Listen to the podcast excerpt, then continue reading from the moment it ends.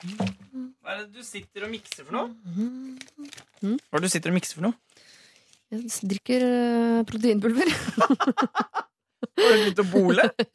Det er jo dumt å drikke proteinpulver når man ikke trener, men eh, jeg har det i er så eh, Jeg liker ikke å være sulten. Nei. Og når jeg er sulten, så tar jeg veldig dårlige valg, både på mat mm, Men også også generelt i, i livet tar jeg dårlige valg når jeg er sulten. Så derfor så har jeg alltid sånn backup-mat i veska. Og nå proteinpulver. Men hva smaker proteinpulver? Det skal smake sjokolade, men det gjør ikke det. Mm. Jeg blir jo sur av det. Fordi jeg elsker sjokolade, og jeg blir sur når ting skal liksom smake sjokolade. Det er som om noen skal kledd seg ut som typen min, og så ligger jeg med dem, og så blir jeg veldig skuffa. Det du hører på nå, er Skravl for skravl. Og eh, i forrige podkast spurte vi og dere som hører på, om dere ville ha det, ja eller nei, og om dere kunne sende inn mail. Og vi fikk inn eh, masse mail, blant annet fra Maren. Hun skrev Hallo, ja, ja, ja, hvorfor tror du vi podkastlyttere laster ned så mye podkaster? Mer prat. Mer prat, ja. Jeg, jeg, jeg er aldri tom for prat, jeg. Aldri tom for prat. Spør meg om hva som helst. Det var én som sendte inn mail og sa nei takk. Skravl for skravl. skrev nei, da mente hun nei, ikke slutt. Jeg tror kanskje hun ikke vil ha skravl. Nei, nei, ikke slutt, mente hun. Ja. Mm, helt sikker. Skal vi se, hva lurer jeg på om sendingen i dag? Jeg, du er jo veldig glad i Leo Ajkic. Mm. Er, er du kåt på Leo Ajkic, liksom? Han Han er jo sånn, Du liker jo mannemenn, Ja. men så han, han er jo veldig det. Ja. ja, det er egentlig rart at jeg ikke er kåt på Leo. Det kunne jeg fort vekk vært, på en måte. Men hvorfor er jeg ikke det, da? Det er veldig Jeg tror jeg kanskje har vært det. Jeg veit ikke. Så bare gått over. Jeg er ikke så veldig kåt menneske, egentlig. Veldig få, det er få jeg har lyst til å ligge på. Det eneste jeg kan komme på, er Kim Bodnia. Ja, Ja. men det skjønner jeg. Men hvis jeg hadde møtt han, så hadde jeg sikkert ikke lyst til å ligge med han heller. Det er litt sånn som porno. at Det er liksom På avstand er alt uh, sabla fristende, men når du kommer inn i rommet, så blir det så levende. Men hvis, helst ligge med lik! ok, det er jo Ring VG. Så hvis Kim Bodnia dør, send him over, please! Men mitt eh, kontroversielle spørsmål i dag er da altså Og det var ikke det med um, Nei, det var på en måte bare et slags oppvarming. forspill. Mm.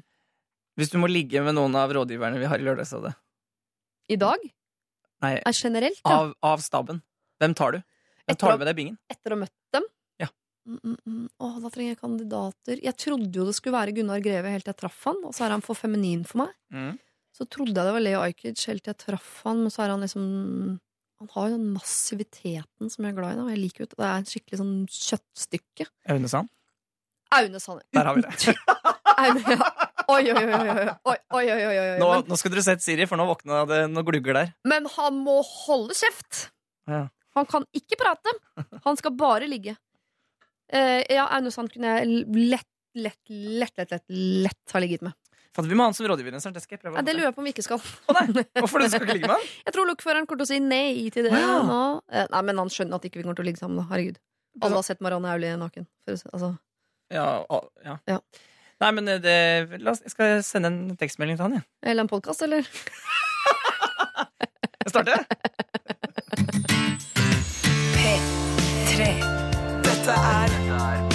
Lørdagsrådet med Siri Kristiansen. på P3. P3.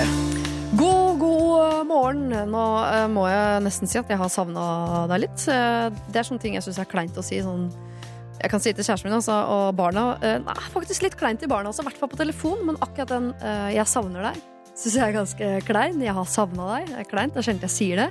Jeg er glad i deg kan også være litt sånn kleint. Jeg er ikke så god egentlig på å si til venner sånn eh, 'Oi, så fin du var', eller 'Oi, jeg savna deg', eller 'Oi, jeg er glad i deg'. De der hyggelige tingene som jeg egentlig burde bli flinkere til. Der er jeg ikke så god. Så nå sier jeg det igjen. Vet du hva? Jeg har savna deg. Og det er jo to uker siden vi hadde lørdagsdag sist, fordi lørdag for en uke siden så var det jo P3-aksjonen. Det satt jo en hel gjeng inne i et glassbur i Trondheim, og hjemme satt jeg i mitt trehus. Eh, Og faktisk var litt misunnelig fordi det så så himla gøy ut. Så jeg prøvde å arrangere vassleik med barna mine. vi fikk det ikke til. Vi hadde ikke så schwung i, eh, i kinna sine, så vi klarte faktisk ikke da å sprute hverandre ned med vann, som jo er hele poenget med denne vassleiken. Men jeg følte jo allikevel at Lørdagsrådet bidro med sitt. Eh, Vi solgte et bilde, eller la ut på auksjon av QXL, et bilde som Christian Borch har tegnet mens han har vært her som rådgiver, og det gikk for hele 4000 kroner. Og så auksjonerte vi også bort en plass i Lørdagsrådet, og der er det en som har klinka til med et bud på nesten 10 000 kroner. Gunn heter hun og er en eh, helt vanlig Lørdagsrådet-lytter. Hei, Gunn, du hører antageligvis på nå. Som bare hadde så gruelig lyst til å komme hit og gi gode råd. Og det skal hun få lov til, men ikke i dag. Det er først eh, lørdag om en uke, hvor hun skal da uh, sitte sammen med Hans Majestet Olav Brenner og Jenny Skavlan og gi råd i de tre timene vi jo gir råd. Det skal vi også i dag, men i dag er det Leo Ajkic, Ida Fladen og Janne Rønningen som skal ta plass ved min side nesten, eh, nesten nå, altså om ca. fem til ti minutter. Lørdagsrådet På P3. P3 Og forrige gang vi satt her og hadde lørdagsråd, som jo blir to uker uh, siden, så var Trond-Viggo Torgersen rådgiver sammen med Torbjørn Røe Isaksen og Erik Solbakken.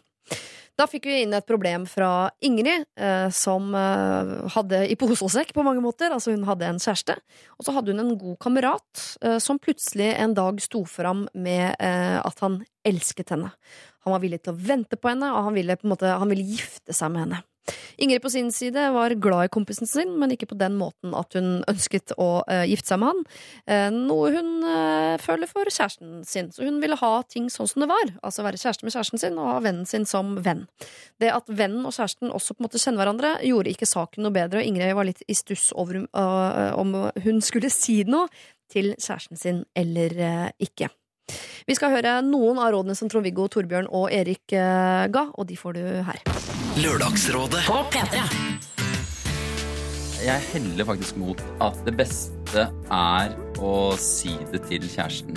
Jeg tror siden hun eh, sliter så med å bære det her aleine, så kommer hun til å si det til han en eller annen gang. Og da, hvis du får vite det om, om ett år eller fem år, så blir det en sånn Ja, hva, hvorfor sa du ikke det, du det til meg da?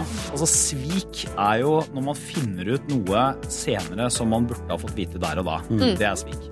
Og det beste argumentet, hvis man ikke, hvis man, om, om enn bare er kynisk for å være ærlig på ting, det er jo faren for at noen finner det ut senere. For da blir det så utrolig, utrolig mye verre. Du må dra til han, eh, kjæresten sin. eh, dra til han og si 'jeg er nødt til å dra til deg, for jeg har noe som er så kjempeviktig', og Ja. det vil jeg dele med deg når vi er sammen. Men så kan det være et godt tips å kanskje også si til Lasse at jeg tror det, de gjør det smarte i å ikke henge så mye sammen utafor jobb i en periode. Dette er Lørdagsrådet På P3. P3 Det var altså noen av rådene fra Trond-Viggo, Torbjørn og Erik. Og hvis du vil høre hele smæla, ja, så går du bare inn og laster ned podkast fra forrige lørdagsråd. Ingrid har gjort nettopp det. Hun skriver her. Jeg hørte på podkasten og ble så overrasket over at dere tok opp problemet mitt. Kjæresten min og jeg har ikke anledning til å treffes med det første, selv om jeg gjerne skulle ha fulgt Trond-Viggos råd om å dra rett i han og fortelle det. Dette har hengt over meg og tynget meg de siste ukene. Spesielt også den skyldfølelsen jeg har følt overfor kjæresten min for å ha skjult noe for han. Jeg har vært så redd for å så tvil i forholdet vårt, akkurat som Erik sa. Jeg fortalte han alt over telefonen. Han hadde stor forståelse for at jeg var i en kinkig situasjon, og var glad for at jeg sa ifra til han. Jeg tror likevel han misliker at dette skjer når vi er så langt borte fra hverandre. Men det å gi meg et ultimatum om å velge mellom eh, dem, hadde blitt for urealistisk. Typen min skjønner hvor viktig Lasse og jeg er for hverandre, på fritiden og jobbmessig, men vet også at han er den eneste for meg, at han kan stole på meg og på oss som kjærestepar. Lasse og jeg skal ta litt tid borte fra hverandre, vi har pratet om det i ettertid, og er enige om at eh, det er bestevenner vi er best på å være, og at dette ikke skal få lov til å påvirke det gode vennskapet og samarbeidet vi har.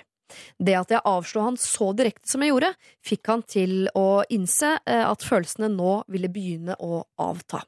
Forhåpentligvis vil denne knuten løsne litt med tiden, så vi kan spille kort som 80-åringer og le av 20-åras følelsesdrama. Så nok en gang har dere hjulpet en rådvill sjel, Ingrid.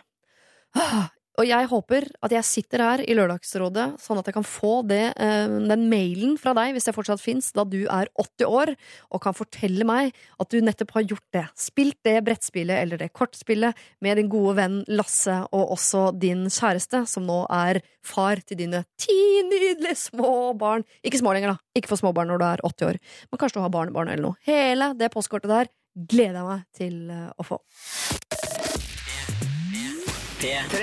Dette er K P3 P3. Ida Fladen, god morgen. God morgen, god morgen. Janne Rønningen, god morgen. God morgen. Og Leo Ajkic. Hva er det det går i? Jeg visste at du skulle si ha noe sånt kult. Jeg har en phrase, vet du. Jeg må bruke den. Hvordan går det med deg, Leo? Veldig bra. Hvordan går det med deg? Jeg er kjempe... Jeg gjør jo det jeg alltid gjør. Jeg sitter jo her og koser meg på lørdager og skravler og spiser hvetevakst og drikker kaffe og har det fint. Men det skjer ikke så mye annet i livet, da. Det er litt kjedelig, da. Ja. Er det med dere? Er det noe nytt i livene deres? Å, ble stille. Eh, ikke i mitt, i hvert fall. Nei. Nei. Ikke noe, men Jobber du fortsatt i TV 2? Ja. Hva gjør du i TV 2? Er det mange som er nysgjerrige på? Ja, det Jeg akkurat nå kjenner meg litt. Ja. For akkurat har jeg ikke noe å gjøre. Men eh, Er det det mange sånn i TV 2, eller som bare går rundt, uh, ja. bare går rundt og får lønn? Eh, ja. Men jeg ble så nysgjerrig. Nå, hva gjør man i TV 2 hvis man ikke har noe å gjøre? Nei, altså, men man kan jo liksom Det som er, man kan jo ikke være på TV eller jobbe med TV-program hele tiden. Nei. Og da blir det jo litt sånne kjedelige perioder. Men nå har jeg et TV-program som er ferdig, Ja. som kommer til våren. Ikke fått dato ennå. Så nå går jeg liksom og tripper litt og venter på å få vist fram det. da Det er jo egentlig det jeg driver med. Og da kjeder jeg meg litt samtidig.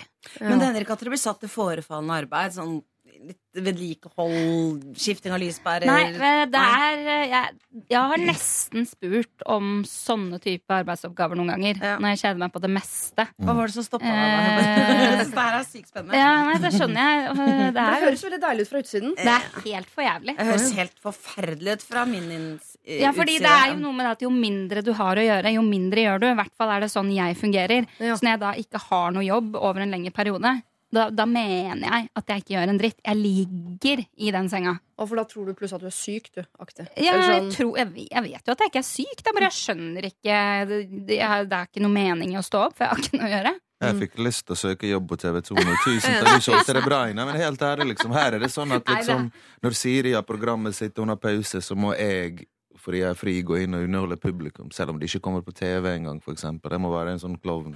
Ja. Ikke de som skremmer folk, men de som skal liksom Men du, det, det skal dere være veldig, veldig glad for. Jeg skulle ønske jeg kunne Du hadde satt pris på ja, det? Ja, ja, Jeg hadde absolutt. satt pris på å ligge hjemme, og akkurat som å være på Nav, men få penger Ja. fra TV 2. Ikke fra Nav, liksom. Fra TV 2. Ja. TV 2 er en slags Nav, skjønner jeg nå. Men det, det det, Ja, i hvert fall hvis vi får støtte av staten for å, for å det er. NRK som er Nav. Stemmer, det. Men er ikke det vanlig praksis for programledere? At man har litt sånn fri her Vi og vet ikke det, vi, Ida Fladen. Nei, for dere er i NRK. Nei, jeg har ikke fri, jeg. Aldri. Ja. Men, Men, det ellers som skjer jeg med sånne det som deg etter hvert, da, Ida, som jeg, jo kan, uh, som jeg kan godt med meg, er at du antageligvis kommer til å bli voldelig. For det er dette som skjer med vepsen hvert eneste år. At, Ja. Nei, eh, biene. Ja. Når dronninga dør, så har ikke biene noe å gjøre lenger. Så da begynner jo å stikke folk, for de kjeder seg. For de har blitt arbeidsledige. Ja. Da kjeder de seg. Da begynner de å stikke folk bare, bare for å lage faen og kvalm. Ja, Det stikke, stikke, sier en del. Ja. Mm. stikke er jo sånn uttrykk. Stikking, gammel og å ligge med folk. Er det det du mente? Ja, så det Ida kommer til å gjøre, er enten å begynne å knivstikke folk eller ligge med folk over en lav sko. Yes. Så- Stikking. Ba bakstikk. Doggystyle. sant? Bakstikk. Å, dette gleder oss til, Ida. Ja, dette blir, ja, men jeg kan kjenne litt på den der eh, at jeg er litt uh, amper og hissig. Altså. Så det, ja, det kan stemme, det der bie- biegreia di. Du da, Janne, hva går de på i formgivninga for din? Er det hekkel og tov, eller er På skolen, mener du? Ja. Ja, Der er det aldri sånn at det ikke er noe å gjøre, da. Nei. Nei Da kan man alltids, eh, man kan alltids rydde på kottet. Ja. Så det skulle være noe å ikke gjøre. De jævla elevene kommer jo hver dag, si. Faen, nei da! Blir glad, glad når de kommer, da. Men har dere sånne prosjekter? For jeg husker når jeg hadde forming på ungdomsskolen, så, så fikk vi syd, eh, På et eller annet tidspunkt fikk vi lov til å sy rokokkokjoler til barbiedukkene våre. Mm. Har dere gjort noe sånt? Eh, nei. Akkurat nå så jobber jo ikke jeg med formgivning. Nå, akkurat nå så jobber jeg jo som spesialpedagog. Oh, ja. Mm. Så jeg eh, Jeg leser bare lærere, så det Ja, ja, det- Nei, nå, nå, akkurat nå så jobber jeg med tilrettelegging av prosjekt. Sånn at eh, når noen skriver en selvvalgt oppgave, som vi driver med på den skolen som jeg jobber med, som Mm. har en mer sånn fri pedagogikk, ja. så er det sånn at elevene har funnet ut hva de har lyst til å skrive oppgave om, og så er jeg en tilrettelegger. Da. Så jeg, jeg jobber nesten som journalist nå, driver og undersøker ting og kommer med spørsmål som jeg syns de burde svare på inni oppgaven sin. Da. Så det er så gøy, så ja. Høres sånn ut. Nei, det er gøy, altså.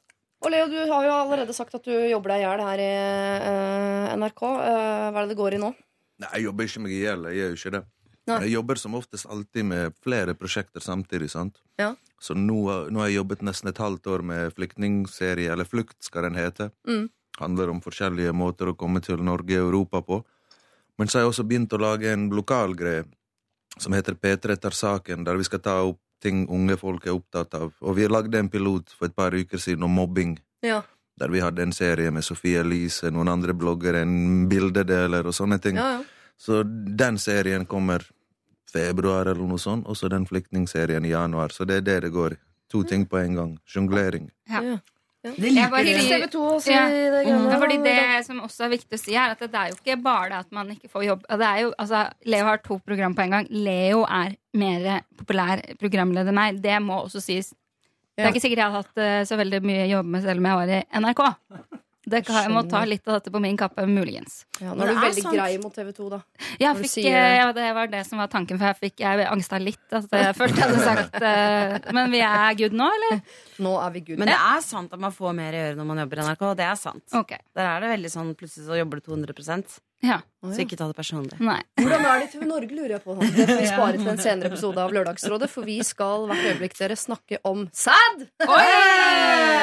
Alle gleder seg.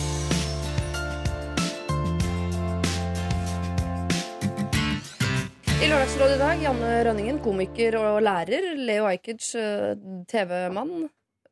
Ja, et eller annet. Et eller annet. En mann. Ekte mann, for Ek- faen. Ekte mann. Og jeg vil også si businessmann. Ja. Ja, Folk sier du er så god på business.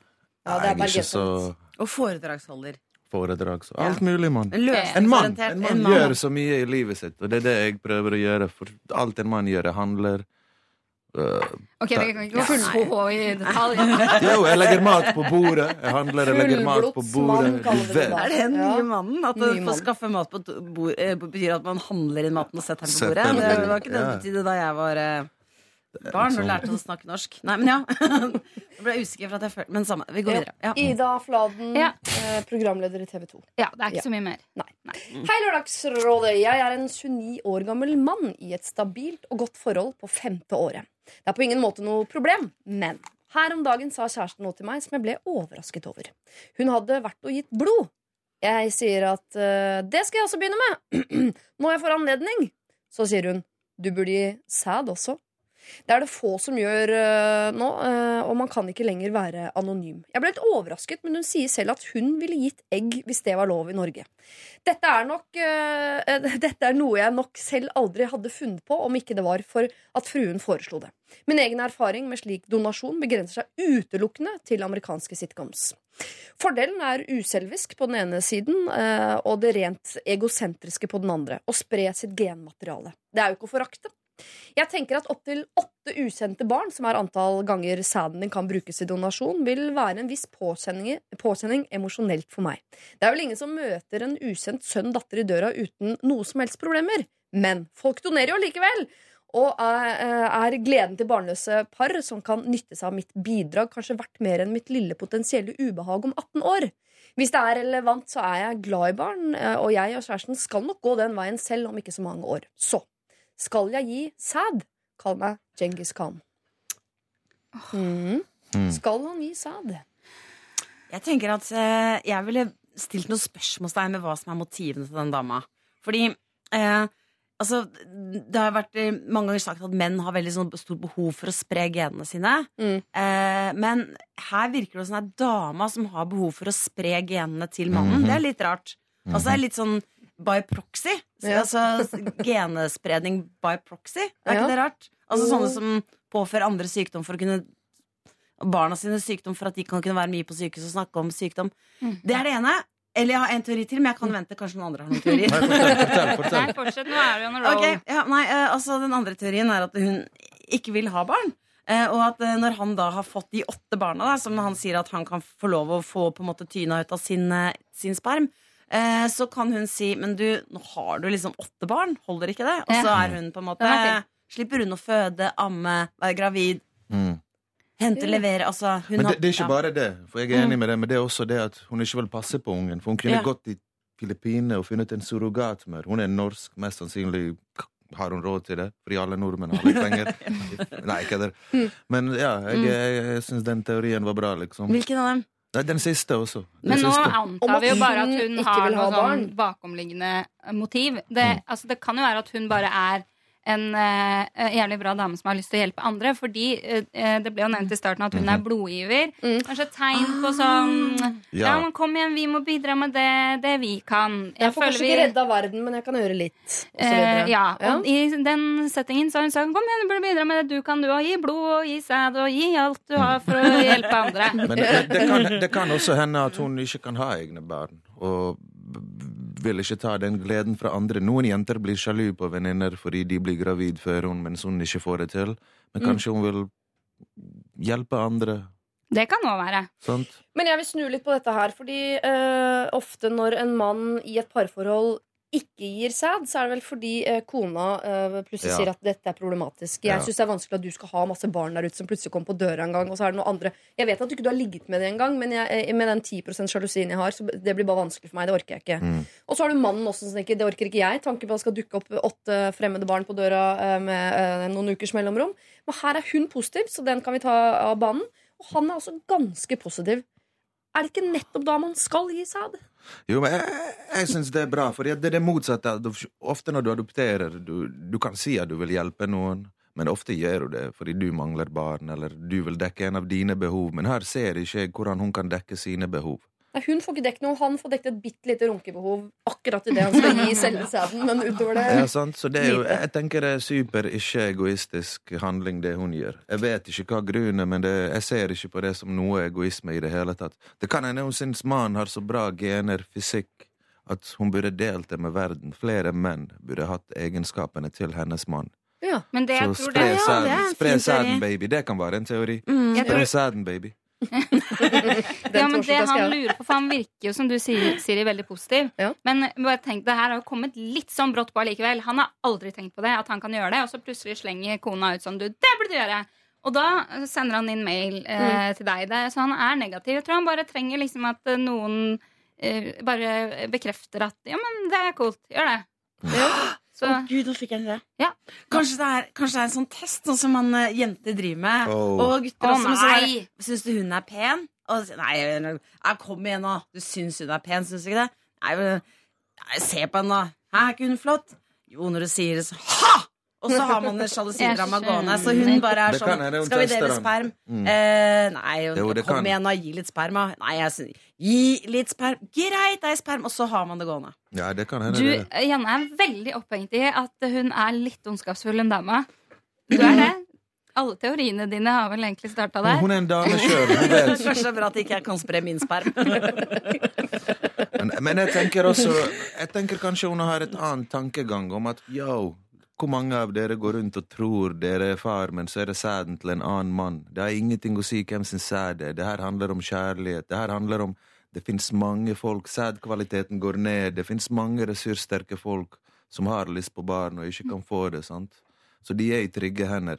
Og det med anonymiteten Mm. Det er jo bra at den ikke er der, på en måte, i tilfelle du trenger en eller annen greie fra låret som lager nye celler eller et eller annet, så du må finne faren. Du skjønner hva jeg mener? Det har skjedd før. Det har skjedd før. Det har skjedd før. Nei, det det har skjedd før at folk har blitt Ja. adoptert, og så må de ha noen i familien, for de trenger en Mm. transplantasjon fra en nerve eller et eller annet. Ikke vet jeg. Noe som lager celler. Jeg forstår ikke hele greien. Men det er det positive med den, å ikke være anonym hvem faren er. Da kan jo gi bort en nyre også, Ja, når den tid og det kommer. Så er hun enda mer mer det andre Ja. positive er de som oppdrar deg. Det er de som er foreldrene dine. Det er de som gir deg et liv. Det er de som gir deg kjærlighet. Alle kan gi deg sæd. Og for å vise et eksempel, så kan du gi sæd nå til åtte damer. Ja, ja, ja. Sant? ja. Man kan, ja, jeg vet ikke om man bare får lov til å donere én gang heller, men det er vel åtte barn per dose, på en måte. Så hvis det er tvillinger, så Ja, eller han kan jo uh, renne ned dørene og, og runkefest en gang i uka på dette donasjonskontoret. For det vet jeg ikke. Jeg kan ikke reglene på det. Men det er ikke så farlig. Ikke. Det jeg i hvert fall hører eh, på det dere sier, er at eh, vi har mange spørsmål i forhold til hva er motivene både til du, eh, deg, Djengis Khan, og også og kjæresten din. Hva er motivene her? Men samtidig hører vi også at det er nok positivitet både hos deg og din fru Posi Til at- positivitet. Jeg måtte være til at her syns vi eh, i eh, aller største grad at eh, hvis du er litt positiv til dette, ja, så er det nettopp du som skal gjøre dette.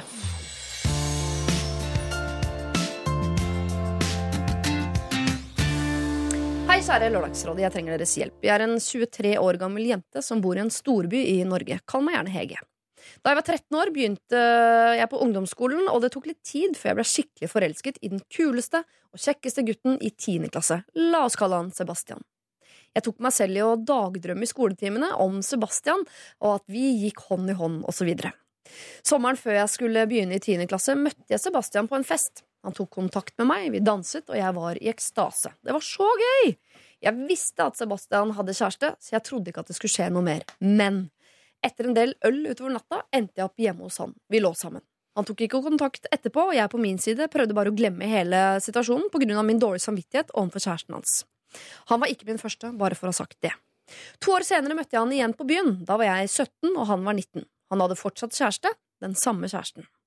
Det som skjedde for to år siden, gjentok seg også denne kvelden. Etter denne kvelden fikk jeg så utrolig dårlig samvittighet og bestemte meg for at dette, eller noe lignende, aldri måtte skje igjen. Jeg traff faktisk Sebastian et par ganger i årene som gikk etterpå, men jeg var da bevisst på å ikke være flørtende og var mindre åpen for samtale med han for å unngå nettopp at det skulle gjenta seg. Nå, nesten seks år etter at jeg tilbrakte den andre og siste natten hjemme hos Sebastian, bor jeg i en leilighet i et typisk blokkområde sammen med en venninne. Jeg har kjæreste, jeg har vært sammen i to år og er veldig fornøyd med det. I det blokkområdet jeg nå bor i, bor jeg i første etasje, der alle leilighetene er på samme plan. Har en hageflekk og en veranda vegg i vegg med hverandre. Og for ca. et år siden fikk vi nye naboer vegg i vegg. Ja, tro det eller ei, det var Sebastian og dama. Nei. Det er ikke problematisk i seg selv at de har flyttet inn her, for både Sebastian, dama og jeg nikker og hilser på hverandre både i trappeoppgangen og smiler og vinker om vi er i hagen vår. Samtidig tenker jeg jo så klart, du skulle bare visst, når jeg hilser på dama hans. Men Sebastian på sin side later som om absolutt ingen verdens ting har skjedd. Det jeg trenger råd til, er skal jeg si noe til dama til Sebastian? De har jo vært sammen i ti år, og har det jo sikkert fint sammen nå, men fortjener hun ikke å vite det? Kjæresten, hans, kjæresten hennes har jo vært utro minst to ganger i løpet av forholdet deres. Sebastian er nå 25, og hva med kjæresten min? Burde han få vite noe om min tidligere historie med nabogutten? Ja, To problemer her, altså. Leo Hvem skal få vite hva? Jeg, altså, dette er jo et problem, og jeg har et svar, og det går på Du har visse moral, du har visse standard, du er fra visst miljø, og det fins alltid en løsning som går ut ifra Du vet, vi har visse standard på visse ting, så aldri Hvis det er din dame som har vært utro, og du har vært utro, du kan si det, men å blande seg i andre sine folks liv med sånne greier selv om du sier at du, du skaper usikkerhet, ikke 100 den personen kan nekte. Jeg har opplevd det før. Jeg har hatt bevis på at en venn av meg Og dette er en god venn. Da er det Mm. lurt å si det. Hvis det er en god venn av deg, og du vet damen har vært utro, si det. Hvis det er noen du ikke bryr deg om damen til en du har ligget med, hvorfor skal du si det? Altså, Det hun kunne gjort, var å anmelde han for voldtekt. Hun var 15, han var 17, og sagt 'slå opp med hun damen, ellers anmelder jeg ikke deg til vi blir sammen'. Nei, det er evil. Det er Men, jo eh, veldig, veldig Det var så at jeg, jeg, tror ikke- jeg tror ikke jeg skjønte det. Men det virker ikke som hun har lyst på han Sebastian Ja. eh, Jo, det virker som hun har lyst på han. Hvorfor skal han bry seg om damen hans? Hvorfor skal hun bry seg om Er damen som han hun sånn ikke kjenner? sister-greier? Nei, det er ikke noe lurer på om sister-greie, han fordi uh, de bare sier bare hei og nikker og smiler. Det virker ikke som de er noen gode venninner, Ja, de det, er to. det, det er det så jeg er er litt greia. enig med, med Leo, da. Prøver å være litt uenig for å uh, skape problemer større og ha uenige meninger. Men jeg er enig med Leo. Hadde, det vært, uh, hadde de vært uh, venninner, Mm. altså bedre venninner enn bare naboer som sier hei til hverandre i gangen, mm, da kunne vi snakka litt mer. Men Jo, men det er enig med dere at ja, Kanskje hun ikke fortjener det, situasjonen blir ikke noe bedre osv. Men det eh, som jo går og, og gnager på Hege, både overfor denne dama som ikke vet, og sin egen kjæreste som ikke vet, er at hun hver dag føler at hun har en hemmelighet. At hun hver dag må ljuge. Hver gang hun sier hei, så sier hun hei, men hun vet noe som ikke de andre vet. Det er den derre evige hemmeligheten hun går blir minnet på hver eneste dag over Tujahekken, som jeg tror Hege syns er litt problematisk. Det skjønner jeg. Det må være fryktelig, fryktelig slitsomt. Um, ja, så jeg lurer på om eh, det jeg ville gjort, var om jeg kanskje ville sagt det til kjæresten min. Eh, bare for at eh, det, det er lettere å være to om en litt sånn kjip uh, hemmelighet. Så slipper hun liksom gå og bære på det alene. Han blir jo ikke sur. Eller blir han sur? Så du har sagt til kjæresten din nå nettopp at naboen din er en du ligger med, og du Nei, bryr deg, og du bryr deg, og han er sammen med en dame i ti år, og du vet ikke om du skal ødelegge for dem eller ikke. Jeg har i hvert fall ikke sagt det til damen min. Det er også en moral og standard jeg har.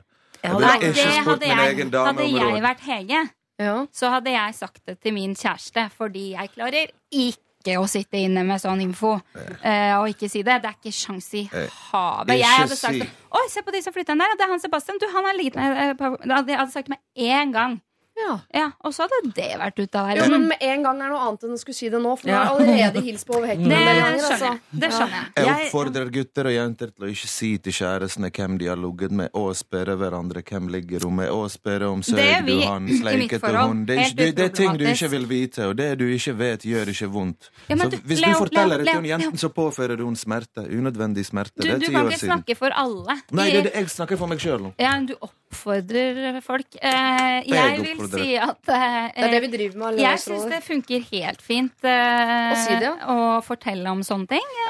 Jeg syns dere har veldig mange fine teorier her, men det er jeg nå Ja, nå må du høre hva læreren sier. Hva lærer, lærer oss. Eh, men Janne, jeg lurer på, bare for å gi deg en dramatisk effekt på det du nå skal si, så skal vi ta en liten pause, sånn at nå har Leo og Ida fått sagt sitt, og så tar vi et musikalsk avbrekk, og så kommer Janne med det hun skulle si. Er, har du lyst på den lille dramatikken? Ja, da skal du få den. P3. Ida Fladden, du mente at hun, i hvert fall skulle si det til kjæresten sin. Leo sier du skal aldri si det til noen. Janne? Nei, altså eh, Jeg bare tenker at For det første er enig med man skal aldri spørre noen om, eh, om hvem man har ligget med. Nei, eller fortelle du vite det? Nei, det er sjukt. Hvis ikke du tenner på det, da er det greit. Hvis dere det tenner på hverandres opplevelser, snakk om det. Ja, Ja. det. Han var sånn og sånn. Wow, fortell mer. Er Hvis det er nå. deres, ok.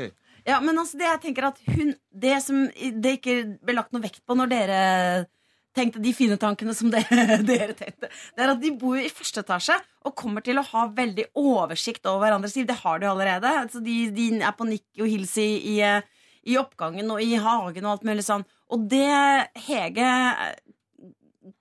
kanskje med, jeg vil si med rette forutser her, er at det tar jo ikke lang tid før Sebastian har fått en ny dame eh, på besøk. Eh, for det er sånn han er. En gang utro, alltid utro. Mm. Og da tenker jeg da Da kommer hun til å skjønne det. Og hun dama som kom inn der, hun kom ikke inn der for å lese opp eh, de siste nyhetene i avisa. Hun, hun er der for å ligge med han. Og da, når hun skal begynne å fortelle da til eh, naboparet, da, eller til sin kjæreste, da blir det liksom sånn søkt å komme trekkende med det. Så hun vil sikkert være liksom forebyggende. Si sånn Han er få, bli ferdig med det. Istedenfor å måtte gå og bære på det med nye damer som kommer igjen og igjen. Mm, mm, Hva tenker dere om det? Var det klart og tydelig? Jeg skjønner hva du mener, men jeg, tenk, jeg også tenker samtidig at Hege her kanskje bare er eh, en av de som eh, har lyst til å hjelpe til. Akkurat som i, i sædproblemet, som vi snakket om Mm. eh, i stad. Til deg som akkurat har skrudd på. Det høres sjukt ut, men det er en link. Eh, fordi hun tenker at, eh, at hun gjerne skulle ha visst hvis det var sånn at hvis min kjæreste ligger med naboen, så vil jeg vite det. Så Ja. derfor har jeg lyst til å gi nabodama den tjenesten det er. Eller så har hun bare lyst til å lempe sine problemer over på andre mennesker, som også er helt naturlig. Eller så er hun drama queen. Mm. Altså, Ja. Hvis hun hadde sett han med andre damer og sagt det til damen hans, Ja. det kan jeg forstå litt mer enn hvorfor hun skal si det å blande inn sin greie, og de er naboer, og det skaper en Mm. Det kan skape mye mer problemer enn godt som kan komme ut av situasjonen. Det er bare, Jeg kan ikke se noe godt som kan komme ut av å få sagt det. Nei. Hadde det vært en annen dame, og hun skal si til hun som en venninne, som en sister code, pass deg for han fyren, han er notorisk utro, hele tiden jeg ser damer gå inn og ut når du ikke er her, Mm. så kan jeg forstå det litt mer. Ja. Men Kan jeg si noe? Eh, fordi eh, eh, Si at Hege hadde gått og sagt det til dama til Sebastian nå, uten at han har vært utro med noen andre som hun vet. Det som hadde skjedd da, fordi dette er nå eh, eh, Hun var 17 sist, og det er, det er fem, seks år siden Mm. sist det skjedde at de lå sammen. Ja. Eh, det hadde Sebastian nekta for, eh, og Det hadde dama hans trodd på. Mest, dette er mest sannsynlig. Enig. Og da hadde det jo blitt et helvetes ræva naboforhold. Ja. Det, hadde ikke, det kommer ikke noe godt ut av det Noen der, eh, Nei, da må Det gjør flytte. det ikke. Så du tenker redd deg sjøl? Eh, ja. Si ja rett før du flytter. bare fordi at jeg bare er ganske sikker på at eh, hun dama til Sebastian ikke hadde trodd på henne uansett. Fordi det er liksom, ja, Du sier det skjedde for seks år siden, så kommer Sebastian Hæ, seriøst, det har aldri skjedd, jeg ville aldri gjort det. La, la, la, la. Og Hvem Naboen tror du på da? En Ja. eller annen random nabodame? Eller tror du på kjæresten din gjennom ti år? Tenk hvis hun sier 'jeg vet at han har vært utro', men jeg ville ikke han skulle si meg hvem. Jeg ville ikke se det fjeset for meg. Nå vet jeg at det er deg. Hvorfor sa du det til meg? Nå Ja. får jeg komplekser fordi du ser bedre ut enn meg. Ja, det er Sant? enda Tenk en hvis han har sagt 'jeg har vært utro', og hun bare 'jeg vil ikke vite Ja. hvem'. Jeg tilgir deg. Du vet aldri hva mulighet? Som skjer. Du vet aldri deres sannhet. Så når du blander deg inn og skal få din sak frem, så kan det være og jeg tror i denne saken så blir det uansett mer ødeleggende å grave opp i en gammel sak enn å la det ligge. Hvis da kjæresten til Sebastian prøver å bli venninne med Hege, da? Ja, da, oh. da må vi sende inn en ny melding. Ja. For da er det en annen uh, situasjon. Det, hadde- ja, det, og det håper jeg kommer. Det hadde vært veldig gøy. Nå søker denne uh, jenta, som jeg liker veldig godt, mitt vennskap. Og jeg det, Å gud, skriv tilbake. La meg La oss få komme tilbake, da, samme gjengen. Eller så kan Sebastian banke på og si hei, kan du knulle damen min, sånn at vi er vi jeg. Nå sklir du ut. Kan Nå kan sklir jeg se på Men det er ingen av dere som har nevnt den muligheten som nemlig er at Hege kunne ha tatt en liten samtale med Sebastian. Hei, det greiene. Skal vi la det ligge? Det har ingen Ja, av oss tenkt på. men eh, Ja, men Eller skal vi gjenoppta det? Var det det? det? Nei, men jeg bare si sånn Det er kleint, ikke sant? At vi møtes hver dag og sier hei, og jeg vet ting som ikke kjæresten din skal vite, osv. Ja. Bare Ja. bli enige om at det er kleint. Ja, ja, det, det så de jeg kan dele den, uh, den hemmeligheten den, det, det liker jeg veldig godt. Men Den det svarer jo ikke på problemet med henne som hun skal fortelle det til dama eller ikke. Men det, det syns jeg Jo, hvis du sier nei, du skal ikke fortelle til dama, nei, du skal ikke fortelle til typen din, men du skal snakke med Ja, Sebastian. jeg liker det. Jeg liker den òg. Jeg er enig med deg. Men da Jeg liker det, ikke den. Føler jeg det blir Jeg hater, ja, men det hater jeg. Det mener jeg at de skal liksom ha sånn fortrolig samtale. Sånn. Så er de liksom litt på lag og Nei, vet du hva? Mitt råd flytt. Mm. Flytt. Det, men det er alltid ditt råd. Det, det, ja, eh, stikk. Men ok, da trekker jeg tilbake det. Så tar jeg bare uh, halvparten. Oppsummerer ved å si uh, svare på dine spørsmål direkte. Skal du si noe til dama hans? Nei. Skal du si noe til kjæresten din? Nei. Uh, og hva du gjør utover det, jeg får ikke lov til å si noe om. Dette er Er P3. Vi skal eh, nå prøve å hjelpe en som heter Laila, som har en venninne som har blitt coach. Hei, Lørdagsrådet. Hva mener du med coach, liksom? Coach, altså sånn, eh, som skal hjelpe folk til å ta riktige valg i livene sine osv. Å ja, så, også Mm, sånn sånn som Ida eh, Når hun jobbet i P3, lagde du Prosjekt Perfekt. Da hadde du sikkert en coach. Da Hadde hadde du du ikke sikkert coach. Eh, nei. Var han jusmannen, han eh, John Oppsal? Ja. Er han coachaktig type, eller? Eh, nei, det vet jeg ikke. I- Ikke for meg, da. Nei. Men coach er jo da liksom en eh, Det er litt sånn psykologaktig, men ikke helt, ikke sant? Ja. Er det ikke det? Uten, Hvis man skal forklare Du hvis noen Du er psykolog, men du har ikke noe utdannelse. Å, det er sånn som jeg er. Har du, ja, ja, det er jo det. det, er jo det. Bare at hvis jeg gir deg liksom 50 kroner, så må du liksom kanskje ikke snakke om deg selv hele tiden. Liksom, det er litt sånn. ja. ja, det er det som er vanskelig, for det er derfor jeg ikke kan bli coach. Men jeg kjenner bare at du sa coach, hadde jeg så mye meninger at jeg trengte ikke å få resten av problemstillingen. Ja, men det skal du få her. Hei, Lørdagsrådet. Vi er eh, veldig gode venner når vi møtes en sjelden gang, og hun er virkelig et hjertegodt menneske som jeg føler meg særdeles vel sammen med når vi sitter i en sofa og fjaser. Vi ler av mange av de samme tingene, og jeg er veldig glad for at jeg har henne i livet mitt. Men det er da denne nye rollen hennes som jeg opplever som noe utfordrende. Jeg skulle virkelig ønske at coach var en beskyttet yrkestittel, men nå er jo sjelden livet sånn som jeg mener at det burde være. Jeg får helt fnatt av motiverende slagord på vakre bakgrunner på Facebook. Og tanken på å finne den beste versjonen av meg selv for å oppnå mine drømmer, er langt unna sånn jeg tenker i hverdagen. Som de fleste av mine nære venner overlever jeg på en solid dose sarkasme mot alle mennesker som jeg opplever som meningsløst dumme, og gudene skal vite at dem er det mange av. I forrige uke hadde jeg bursdag. I den forbindelse fikk jeg ganske mange billetter i gave av coachen til hennes neste event. Det hadde vært én ting om det var, var meg som måtte gå på en eh, Som bare måtte gå sammen med en spesielt invitert gjest. Men jeg skal få lov til å ha med opptil flere av mine nære og sære. Ingen av mine nære og sære vil være med. De kveles rett og slett ved tanken, og jeg kan ikke presse folk til å bli med. Jeg har lokket med alkoterapi i etterkant og prøvd å spille på medlidenhet med meg. Jeg vil jo ikke såre coachen heller ved å fortelle den ganske nedslående sannheten, og jeg har virkelig ikke lyst uh, til å lyse opp alene på en benkerad i en sal når vi skal motiveres til å nå våre mål. Så hva skal jeg gjøre? Si sannheten til coachen? Drive med emosjonell utpressing og risikere å bli utstøtt av uh, det sarkastiske selskap? Laila. Hva slags event er dette her? Jeg vet ikke, jeg, bare, jeg dras tilbake til den gangen fetteren min ringte meg og ville ta opp kontakten igjen, og så uh, var det i sannheten det at vi skulle på 5% community-møte. Altså, Ja, er Husker sånn- dere ikke den perioden hvor det ringte gutter du nesten ikke kjente og ville ha deg med på date, og du måtte ta på deg fint tøy, og så skulle bli henta en dag? Og så var det rett på sånn vekkelsesmøte i sånn pyramidespillhelvete. Oh, ja. Var dere ikke, fikk dere ikke det? Nei, nei. Nei. Å. Nei, men det er sånn Tupperware-party, liksom. Eller sånn, der, ja, sånn big pyramidespillgreier. Ja. Antageligvis noe sånt. Men det, ja, ev- eventet da er jo bare er snakk om noe sånn Finn deg sjæl, du blir lykkelig, noen som står og preacher. Alt du trenger, er denne aloe vera-kremen til 970 spenn i måneden. Ok. Akkurat som her. Alt du trenger, er et positivt slagord for å nå dine mål og drømmer. Ja. Ten- Tenk positivt. Pussy, pussy, pussy. Ja. Det er den greien, liksom. Lara vil ikke på dette eventet. Eh, Det er det ingen av vennene hennes som heller vil, men samtidig så vil hun ikke såre sin gode venninne som nå har blitt coach. Men nå burde vi jo hatt en i dette eh, panelet eh, som var for denne type coaching. Det er det, Leo, du er litt for, kanskje? Nei, jeg er ikke for det. Nei. Nei, jeg er ikke for sånne Nei. greier. Men jeg, jeg er ikke imot det. Men jeg personlig trenger ikke en coach, eller er hypp på å gå på coach. Og hvis min venn hadde invitert meg på en sånn greie, så vet ikke jeg om jeg uh, Kommer an på hvor god venn, hvor mye jeg har lyst til å støtte han. Hva. Det, Jo, men det vil jeg henge meg opp i. Du sier god venn. Da har jeg lyst til å spørre. Uh, det er mange uskrevne regler om hvor, hva man skal stille opp i forhold til vennene sine osv. Støtte de tykt og tynt, og hva man skal stille opp på.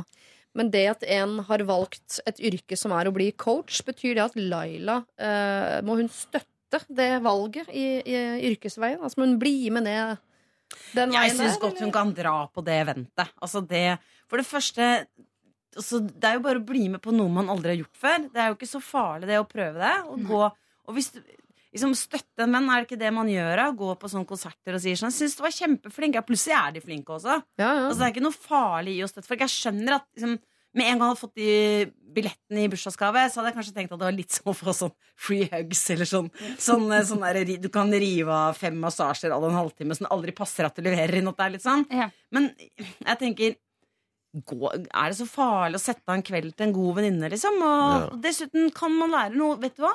Vet dere hva, mener jeg? For her er vi mange i dette rommet, og det er jo mange som hører på. Eh, kanskje man kan lære noe også. Altså, jeg har lært For eksempel en gang så leste jeg KK, og da lærte jeg en ting. Vil Mm. dere høre hva jeg lærte? Ja. Jeg lærte at Jeg lærte å strikke en lue. Nei, jeg lærte at, eh, at hvis man var misunnelig, man hadde misunnelige tanker, så skulle man ikke eh, Så skulle man liksom på en måte istedenfor å gå rundt og være misunnelig, så skulle man tenke hva det var man likte at den personen hadde oppnådd. da Og så skulle man prøve å se hvordan den personen gjorde det, så kunne man kanskje oppnår noe av det samme. Og Ja. det har jeg brukt mange ganger. Og Ja. tenkt hver gang jeg kjenner den der kjipe misunnelsesfølelsen, så tenker jeg Men hva er det vedkommende gjør? Hva kan jeg lære? Hva kan jeg trekke ut her og bruke i mitt eget liv? Og det har skapt den personen som sitter, Sitter her i dag. Sitter her Så da var, KK, var KK en slags coach for deg? Så. KK Ja, har vært ja. en coach for meg, så det er ikke farlig å liksom prøve noe nytt. Ja, det er jeg enig fordi eh, Laila kan både faktisk lære noe nytt. Det er ikke sånn at fordi man er coach, så har man ikke noe å komme. De har jo, sitter på noen smarte verktøy og noen ting som kan være greit å få med seg. Og samtidig så jeg, aner jeg jo her at Laila begynner å bli litt irritert på en venn som egentlig er en god venn. Kanskje hun ser vennen sitt lys sånn 'herregud, du var god på scenen'. Mm. At, at hun Ja. klarer å gi det en verdi enn at dette her nå faktisk at de går hver sin vei på et eller annet tidspunkt. Eller hun kan se på coaching fra en annen vinkel istedenfor. Dette er noe for meg. Dette er absolutt noe som ikke er for meg. Jeg skal se på dette utenfra og le. Ja. Det er litt sånn som du ser på Paradise Hotel og føler deg bedre fordi andre er så Ja, kjipe. Du kan se på det av den grunn. Så jeg husker jeg jobbet som Ja. selger. Og da hadde selgeren min de kjipeste motivasjonstalene. Men jeg syns at de var så corny at de faktisk inspirerte meg til å, til å skrive humor. Jeg husker ene gangen kom han på jobb, kom litt for seint. Og så sa han ser dere alle disse McLarensene og Ferrariene og sånn, lager de de til dere? Og mange selgere nei, nei, nei, det er ikke for oss, det er for rikinger. Det er faen ikke sant. De lager de for dere. Dere må bare gå ut der, selge nok abonnementer, skaffe penger, så får dere en motherfucking Ferrari! sant? Og, og det gikk. Noen folk ble giret opp, mens jeg faktisk fikk ideer til å skrive humor og serie. Var og, det noen og, som fikk Ferrari? Ingen av de fikk Ferrari. er Ingen av de Ferrari. Altså, det her er også pyramidespill. De er fortsatt på bunnen. Ja. Men eh, eh, til det du spurte om for eh, ti minutter siden, Siri, om Ja. som man er forplikta til som venn å Stille opp? Jeg Ja. mener absolutt ja. Ja. Det er man faktisk. Altså, begrens det. Det er lov å liksom Hun skal jo ikke på de der eventene der en gang i måneden. Men denne gaven som eh, hun har fått eh, nå, der må hun stille. Hun. Og hun må des si dessverre det var ingen som hadde lyst til å være med. Jeg kommer gjerne. Så hun sitter der og lyser aleine, eller hva hun var redd for. Sånn, sånn er det å være venn. Laila, du skal være en god venn, og i det så øh, følger det visstnok med at du må gå på dette coach-eventet. Og så kan du jo velge da å bruke det eventuelt videre, da, og nettopp drive litt emosjonell utpressing med de andre vennene og si at en del av deres vennskap igjen er å bli med deg nettopp på dette eventet. Og plutselig, vips, så er det en gjeng som kanskje har lært et eller annet og har lyst til å sy på en pute en dag. Lørdagsrådet med Siri Kristiansen. På P3. P3. Yvonne, 21 år, har et problem som dukket opp i etterkant av en reise til eh, Sør-Amerika. Og derfor spør jeg deg, Leo, har du vært i Sør-Amerika? Det har jeg. Ja, sett det på TV-en. Er det Zika? Ja. Åssen er det med deg, Jan Rønningen? Har du vært i Sør-Amerika? Bare i ånden. jeg har aldri, aldri vært der sånn ordentlig, liksom, hvis det er det med. Jeg Sett filmer Nei. Ikke. okay. Nei. Hva med deg, Ida Fladen?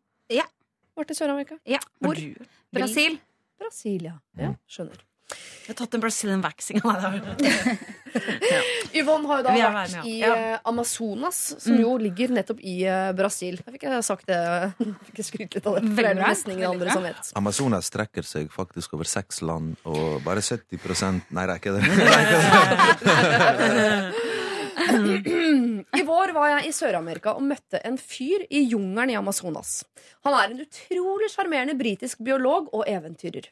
Vi ble gående alene på tur i skogen mens de andre fisket piraja. Plutselig stilte han meg spørsmål om hvor gammel jeg var, og om jeg hadde kjæreste, før han sa at han syntes jeg var veldig attraktiv. På turen spurte han også om han kunne kysse meg. Skandinaviske meg ble kjempestressa og feiga ut. Han prøvde flere ganger i løpet av helgeoppholdet, uten hell. Da det var på tide å dra hjem, klarte jeg ikke å slutte å tenke på han. Det ble avtalt at han skulle komme og bo hos oss i byen i helga etter. Da skjedde det litt av hvert. Han var en ordentlig gentleman og ville ikke presse meg eh, til noen ting, og mye rabbel om at han heller ville vente til jeg ikke hadde kjæreste osv. Jeg beroliget han med at det var helt i orden, og at det var noe jeg også ville. Jeg trodde at jeg aldri kom til å se han igjen etter denne gangen. Han kom derimot en måned senere og besøkte meg da jeg var tilbake i Norge. Det har hele tiden vært klart at det ikke er noe seriøst mellom oss, og at det bare var gøy, og at han ikke ville ha noe forhold. Likevel har han blitt sjalu på hesten min, av alle ting, og vil, uh, ville være med i stallen fordi han uh, visste han aldri kunne bety det samme som den. Og ville se uh, Og ville se denne hesten som vi hadde snakket så mye om. Jeg trodde igjen at dette var siste gang jeg ville se han, og at det ble et opphold i denne kontakten. Men nå har vi begynt å snakke igjen, og det har vært snakk om at vi skal møtes på midten, altså i Tyskland. Og igjen har det vært klart at dette er ikke noe seriøst, og jeg trodde det var helt greit. For to helger siden dro han derimot halve England rundt for å møte eksen sin, og det sårer meg mer enn det burde. Han er en veldig bra fyr, og jeg er egentlig veldig glad for at jeg har møtt ham, men det jeg trenger Lørdagsrådet sitt råd til, er følgende. Skal jeg dra til Tyskland, ha det supergøy for en helg og få avslutte det der en gang for alle, eller skal jeg avslutte det på Facebook? Jeg er klar på at dette ikke bør fortsette, og lurer på hvordan jeg skal avslutte på best mulig måte. For alt jeg vet, har han en jente i hvert land som han har vært i, og jeg vil ikke lenger ha et avstands-fuckboy-forhold til han. Han er forresten ti år eldre enn meg. Hilsen Yvonne 20. Kan vi Her det, her er det Her er hest det igjen i Amazonas og noe lite. Altså. Kan vi bare bruke litt tid på, før vi går til liksom hovedproblemet, og bare snakke om det at han ville være med i stallen fordi at han var redd for at han aldri kunne bety det samme for henne som hesten hennes gjorde? Er det noe som Jeg vi mener jo bare av den grunn ikke ikke dra til Tyskland for å besøke en fyr som er sjalu på en hest. Send en melding på Facebook og bare 'Hallo, du er gal. Dette funker ikke. Vi snakkes aldri'. Han er en utrolig sjarmerende britisk biolog Nei, og eventyrer. Jeg er- driter i hvor sjarmerende han er. Hvis han er sjalu på en hest, Siri, da er det ikke noe å snakke om. Jo, Vi vet jo ikke hvordan han snakker om, hesten. det var veldig gøy å snakke om det med hesten. Hva er det med hesten? Som at liksom, må vi være så kategoriske alltid? Kan det ikke være noe, noe fint som ligger bak her? Og, Altså, jeg kanskje lagde- det er nettopp, nettopp dette er en grunn til å bli Ja, nei. Når jeg lagde Trygdekontoret, så hadde vi Ja. en episode om jenter med sex, og da var det en som sa at hennes første opplevelse var med en hest, og at mange jenter i hestemiljøet faktisk Nå. er opptatt av Så du, er, du, du skjønner han, liksom? Det er det du sitter Jeg skjønner ikke han, men han er jo en bio, han er biolog. Kanskje han skjønner noe vi ikke skjønner. Jeg vet ikke, jeg. Nei da. Ja, ok, nå, det, Som egentlig ikke stemmer, da. Kanskje han Jeg er er over i paranoid. Märtha Lois og Ari Behn-land en gang. Jeg. Hva sier dette om Ari Behn, lurer jeg på. Men eh, la det ligge. La hesten ligge. La Men hesten hun burde i hvert fall si nå, da, siden han har reist England rundt for å eh, lete etter eksen sin, så burde hun si sånn Hei, du. Husker du hvordan du følte det når, du, når jeg var mye sammen med hesten min? Sånn føler jeg det nå. Når du driver og henger med eksen din. At jeg føler at jeg aldri kan bety det samme for Ja. deg som eksen din Ja. Sjalusi, da. Ok, det, er- eh, det er ikke noe tvil om at dette er litt annerledes. Her Vi har møtt en fyr i jungelen. Han er en britisk biolog, eventyrer. Han er sjalu på en hest, reiser Storbritannia rundt for å jakte eksen osv. Her er det mye ekser og y-er. Men det hun spør om, er Skal hun ikke bare ta en helg i Tyskland da, og avslutte dette på en veldig morsom måte? Hun er jo eh, tiltrukket av fyren. For hun må avslutte det, men hun vil gjøre det på en morsom måte. At hun skal avsluttes, det, det, det, er, det er ferdig snakka. Ja, skal det er sant. avslutte dette. Hun avslutte. Hun vil ikke ha avstandsfuckboy-forhold Ja, men jeg til den britiske biologen. Men skal hun gjøre det på Facebook, eller skal hun dra til England? Vi skal snakke mer om det straks. Dette er Lørdagsrådet På P3. P3. Chainsmokers sammen med Phoebe Ryan, All We Know. Og eh, altså, vi vet ganske mye eh, om livet til Yvonne på 21 nå. Samtidig som jeg føler at jeg vet nesten ingenting. Men hun har vært i Amazonas, møtt en sjarmerende britisk biolog og eventyrer som, er, eh, som hun har ligget med. Eh, han er veldig sjalu på hesten hennes. Eh, nå har han reist hele Storbritannia rundt for å jakte på eksen sin. Altså Det er veldig mye rart i denne skåla. Eh, har- hun skal avslutte dette avstandsforholdet til denne fuck-buddyen eh, av en fyr, eh, som er ti år eldre enn henne for øvrig. Skal hun dra til Tyskland, ha en kjempemorsom helg og avslutte? Eller skal hun bare bli hjemme og avslutte på Facebook? Betaler han?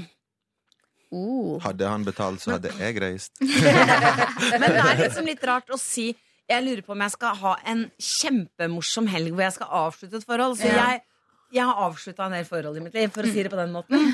Eh, og jeg eh, kan ikke si at det har vært spesielt gøy. Nei. Jeg skjønner hva jeg gjorde der da. Nei, fy faen, var så gøy. Nei, gjorde? Nei, jeg gjorde det slutt, liksom. Eller ble dumpa. Så sånn, det er ikke det er ikke positivitet og livsglede som, eh, som ligger igjen etter de helgene. Ikke, og det hjelper ikke å dra på Tusenfryd. Liksom. Det er ikke noe morsomt Nei. å slå opp i en berg-og-dal-bane. si det sånn. Bare- Jeg kan se noe likheter her. Jeg kan se noe likheter her Og idrettsfolk. Idrettsfolk. Akkurat nå leste jeg en av de største NFL-stjernene gir seg på topp. Mens noen andre basketstjerner gir seg på vei nedover og vet ikke når de skal gi seg. Ja. Så kanskje hun vil gi seg mens leken er god, mens det med eksen ikke plager hun for mye. Kanskje hun vil liksom sånn ah, du likte det, det var bra, du får det aldri igjen. Mwah.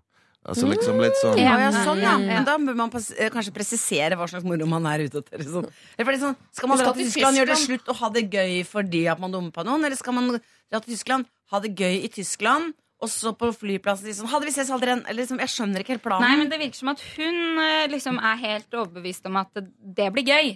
Så vi veit jo ikke det, Hun sier jo 'skal jeg dra og ha det dritgøy'? Det er ikke noe spørsmålstegn ved det. Hun Nei, nei. mener det er tydelig De har en greie som gjør at det De kan bli gøy, De to har det gøy sammen. Okay, okay, og det er jo uansett Mhm. ikke noe alvorlig, det greiene der. Men Nei. vi vet at eh, oss to blir det ikke. Han er ti år eldre enn meg og litt gæren, så det blir ikke oss. Nei, Men vi kan vel ha det gøy en helg. Kjør på, dra til Tyskland. Altså Hvis hun er sikker på at det blir gøy, det er jo bare å, å, å, å kjøre på da. Nå har jeg vridd helt om. da Aldri se på en som er sjalu på en hest. Men jeg, jeg, jeg, jeg tar det tilbake. Eh, dra til Tyskland og ha det dritgøy. Ri til Tyskland. Hvis, Ri til Tyskland. hvis du er har en kjæreste som er sjalu på en hest, dra til Tyskland og gjør det slutt. Det er, Det liksom, er, det er det eh, det er det jeg prøver å si. Ja. Og slå gjerne opp to dager før du går hjem. Ta en langhelg, fire dager. Har du det gøy med han to dager, slår opp. Uh... Og så gjør noe annet, Og så går du på Bergheim og alle de syke klubbene og opplever Berlin eller der du er, liksom, og kanskje får deg en ny type. Ja, kanskje du skal slå opp først? Altså Når du Ja. kommer ned, slå opp med en gang. Bare sånn at kortet er på bordet. Det, det blir ikke oss to. Så ha det gøy derfra. Hvorfor Ja, kan man ikke bare skrive på. Facebook at det er slutt, og så dra til Tyskland likevel og ha det gøy? Altså, det er litt sånn, ja. Ja, men har det tydeligvis gøy med han, da? Ja, ja, ja, ja, ja, ja, ja. Ja. Men, men det blir et slags sånn Det blir ikke et slutt, for de er jo ikke sammen. sant? Det blir Nei, mer nei. sånn OK, nå avslutter vi. Ja. Dette var fint, nå avslutter vi. Ja. Skal de gjøre Det blir ikke en fin avslutning på Facebook. Skal jeg si dere hvorfor det ikke blir en fin avslutning? Ja. For det blir ikke slutt. Det blir ikke slutt. Altså, Da hadde hun ikke dratt til Tyskland. Hvis Jo, hun- men hun virker jo veldig sikker på det. Jo da, det er det. det. Det kan hende hun går inn til Tyskland med samme følelse som en 18 år gammel gutt når han går inn i Red Light. Han skal bare få seg noe. Men jeg er usikker på ja. øh, hva som er mest fair av Yvonne å gjøre overfor denne britiske Ja. biologen. Fordi en ting er å bli dumpa på Facebook. Da ville han antakelig sånn Å ja, eh, kunne du ikke ta det ansikt til ansikt? Men samtidig, når hun reiser helt til Tyskland, og han er forberedt sånn Hun kommer hit, hun skal besøke meg, vi skal være sammen en hel helg. Og så er motivet hennes at hun skal gjøre det slutt. Er det også litt sånn Kanskje rett og slett at ikke det er så dumt at, du sier, Janne, at hun sier fra på Facebook. Det blir ikke oss to, men jeg har veldig lyst til at vi allikevel får en fin helg sammen i Tyskland. Og så kan han ta den av, avgjørelsen. Den, eh, den går jeg for. Ja. Stiller meg bak eh, det. Leo. Ja, det kan godt. Hvis en jente hadde sagt til meg Du, jeg orker ikke mer, men vi kan liksom møtes og ha en fet avslutning. Du kan gjøre hva du vil med meg, sier hun. Så sier jeg OK, jeg kommer. Sånn. For Ja. eksempel. Det kunne vært noe. Ja. Se hva han svarer. Altså, for her kan det dukke opp mye moro. Og eh, jeg sier det ikke så ofte, jeg sier det av og til, men jeg må i hvert fall si det nå, Yvonne. Vi vil gjerne vite hva du velger å gjøre her, og vi vil veldig gjerne vite hvordan det går. Eh, og fordi jeg nå også kommer til å råde deg til å dra til Tyskland, eh, så vil jeg jo i hvert fall ha et slags postkort derfra. Ja. Hva skjedde egentlig? Tok du med hesten din? Hva, altså, ah. Her er det så mange spørsmål og så mange fine bilder jeg gjerne vil ha. Men eh, vurder å si fra på Facebook først om hva intensjonen din er med dette oppholdet i Tyskland, nemlig moro, men også brudd. Vi skal her i Lørdagsrådet bli kjent med en som heter eh, Lise. Lise skriver. Jeg og tre av mine beste venninner fra videregående har flyttet sammen i vårt første kollektiv. Alt begynte veldig bra. Spesielt jeg, Trine og Andrea trivdes med å se film, lage mat og finne på mye gøy sammen. Men fjerdemann, Mona, låste seg mye inne på rommet sitt og ville ikke være med på det vi gjorde. På videregående var hun utadvendt og morsom, men nå har hun blitt veldig humørsyk og stille. Totalforandring av personlighet. Vi prøvde å snakke med henne og spurte om noe var galt. Da ble hun irritert og sa vi skulle slutte å spørre. Det er gått noen måneder, og vi har fortsatt med å spørre hvordan det går, og tvinge henne nærmest til å bli med på ting. Hun har begynt å sette opp passiv-aggressiv-lapper om rydding og annet, noe vi syns er ubehagelig, da vi andre tre har en åpen dialog om hva vi syns funker og ikke funker i kollektivet vårt. Hun derimot har begynt å smelle med dører, låse seg inne, gråter og komme med snappe kommentarer til oss. Hun har hatt flere utbrudd når vi har hatt besøk og fest. Vi vil gjerne hjelpe henne og har blant annet søkt råd i helsevesenet uten spesielt hell. Problemet er at når hun først har åpnet opp, så sier hun tårevåt at hun føler at alle hater henne, og at spesielt Trine hater henne. At hun prøver å stjele vennene hennes, og Mona har med flere anledninger kalt Trine en hore og andre Nei. stygge ting. Dette sier hun hver gang vi tar en ordentlig prat med henne, uten at Trine er til stede. Dette henger ikke på greip, og hvis dette er grunnlaget for at hun har det vondt, ja, så sliter vi litt med å ta henne seriøst. Vi er totalt uenige i Monas oppfatning av Trine, og vi har prøvd å overbevise Mona om at dette er jo ikke sant, men da begynner hun å gråte og sier at ingen tror på henne. Dette har holdt på i over et halvt år nå, og vi begynner å bli tappet for energi og føle at vi ikke kan leve sånn. Det går utover vår syke også. Vi har tenkt tanken på at det er noe eh, mer enn bare hennes Trine-problem, men det virker umulig å få det ut av henne hvis så er tilfellet. Så hva gjør vi da? Skal vi flytte fra hverandre? Hvordan gjør man det? Jeg vil jo ikke svikte henne heller, hvis det er sånn at hun faktisk har et større problem. Hilsen Lise. Oh, ja, her er det en som har forandret personlighet fullstendig, og at hun sliter med et eller annet, er det jo ikke noe tvil om. Men er det Mona? Jeg kjenner meg litt igjen. Jeg har opplevd lignende ting, men ikke i et kollektiv. da.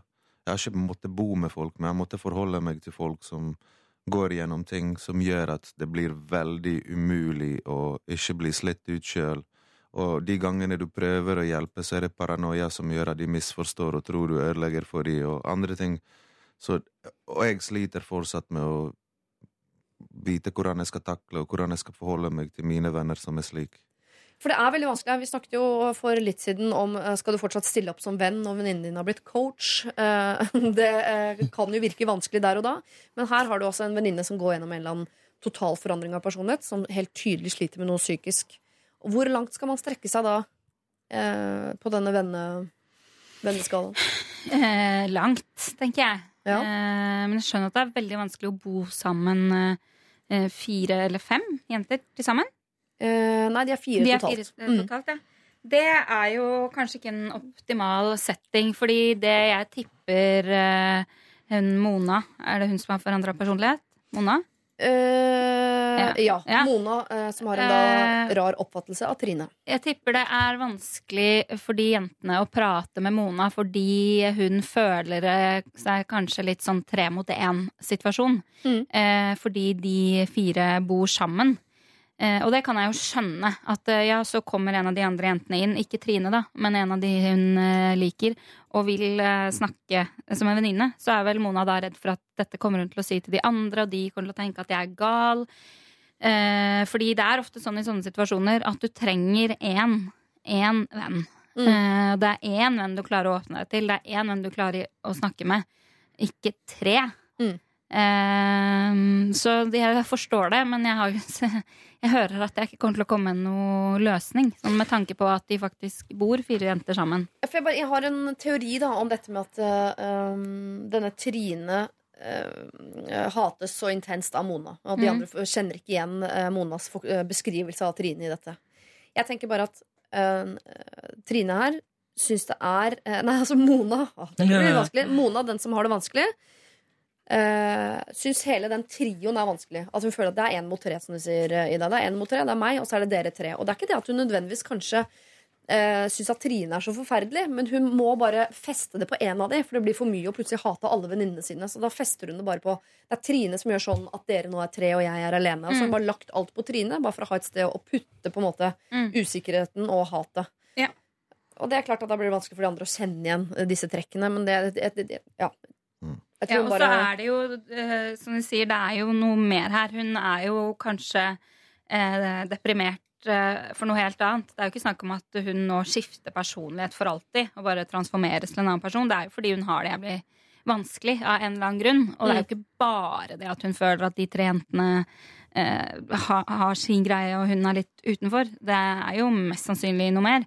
Så jeg skulle jo si eh, eh, helsevesenet, men det har de jo allerede prøvd. Mm. Men eh, det virker jo helt klart og tydelig at, eh, som at Mona eh, trenger å komme seg til en psykolog. Ja. Så, og det mener jeg. Det er helt overbevist om. Hun har det jo ikke bra. Men hvordan man overbeviser eh, venninnen sin om å gå til psykolog hvis hun ikke vil, eh, det vet jeg ikke. Nei. Vet du, Janne? Nei, altså, jeg tenker jo mer at jeg, jeg identifiserer meg jo litt med hun eh, Mona som har det vanskelig. selvfølgelig ja, så det, er liksom sånn, det er jo det er en veldig kjip situasjon å være i. Hun kommer seg ikke ut av det heller. Sånn, eh, at hun eh, At hvis man først har fått det for seg da, at eh, noen oppfører seg dårlig, så hjelper det liksom ikke at de andre sier at eh, Nei, det, er, det, er, det gjør hun ikke. Det hjelper ikke. Men jeg syns det høres såpass eh, Jeg synes det høres såpass stress ut at jeg tenker at hun kanskje burde At de burde snakke sammen om å ikke bo sammen lenger. Ja, for ditt råd er jo alltid flytte i alle Ja, det stemmer det. Men- Det var det jeg akkurat skulle si. De burde bare flytte. Jeg, syns alle burde flytte, så men det mener jeg. Nei, men det kan være. Tenk hvis hun bare har bodd for lenge med de og Ja. greier ikke å kommunisere og greier ikke å finne seg sjøl i det tullet. og må ta hen. Det er ikke alle som passer til ja, men, å være, da til å bo i kommer jo de tre andre mest sannsynlig til å flytte sammen, for de vil jo bo sammen. Og så Ja, ja. blir Mona boende alene, og da er, jo, er det jo enda mer i krise. Det, det er jo ikke sikkert Mona har noen andre venner. Hvem skal hjelpe henne da med alle de vanskelige tingene hun går gjennom? Ja, for Det beste hadde vært om Mona flyttet, men det blir vanskelig eh, for oss å si. Og vi kan heller ikke si at de tre andre skal flytte, selv om kanskje den avstanden gjør at Mona får det bedre hvis, de allikevel, eh, hvis allikevel Lise, da, innsender her, fortsetter å pleie eh, forholdet uten at de nødvendigvis bor sammen. Altså Drømmescenarioet mitt er jo at kanskje en dag så tar de hun med på spa og gjør noen fine ting for henne, og så kommer de hjem, så har de en sånn pyjamaspari som går over til putekrig.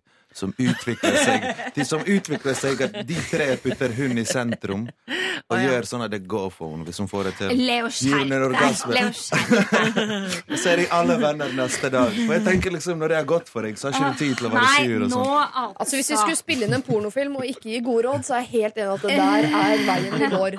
Men, men Men stakkars jentene, vi må hjelpe dem litt bedre enn det der, Leo.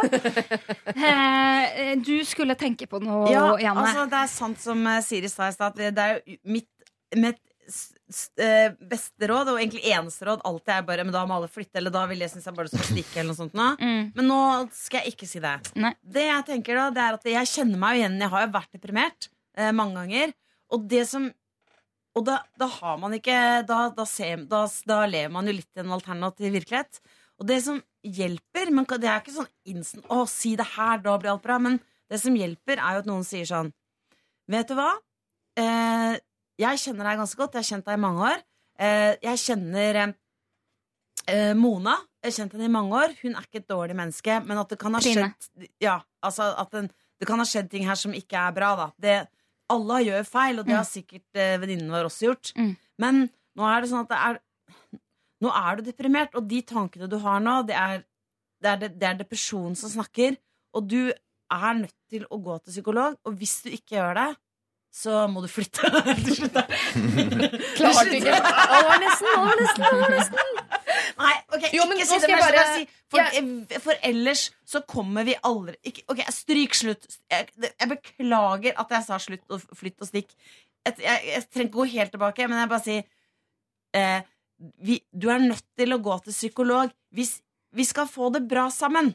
Mm. Ikke lansere slutt og flykt som Mm. eh, strategi. Men det er jo litt fristende siden vi har deg her, eh, Jan, og du sier at du har vært deprimert. Da lurer jeg på Ja, jeg også vet at det fins ikke et magisk ord eller en setning jeg kan si, og så vipp, så var depresjonen over. Men hjelper det hvis man på en måte sier fra om at vi kommer ikke til å gi deg opp, vi er her for deg.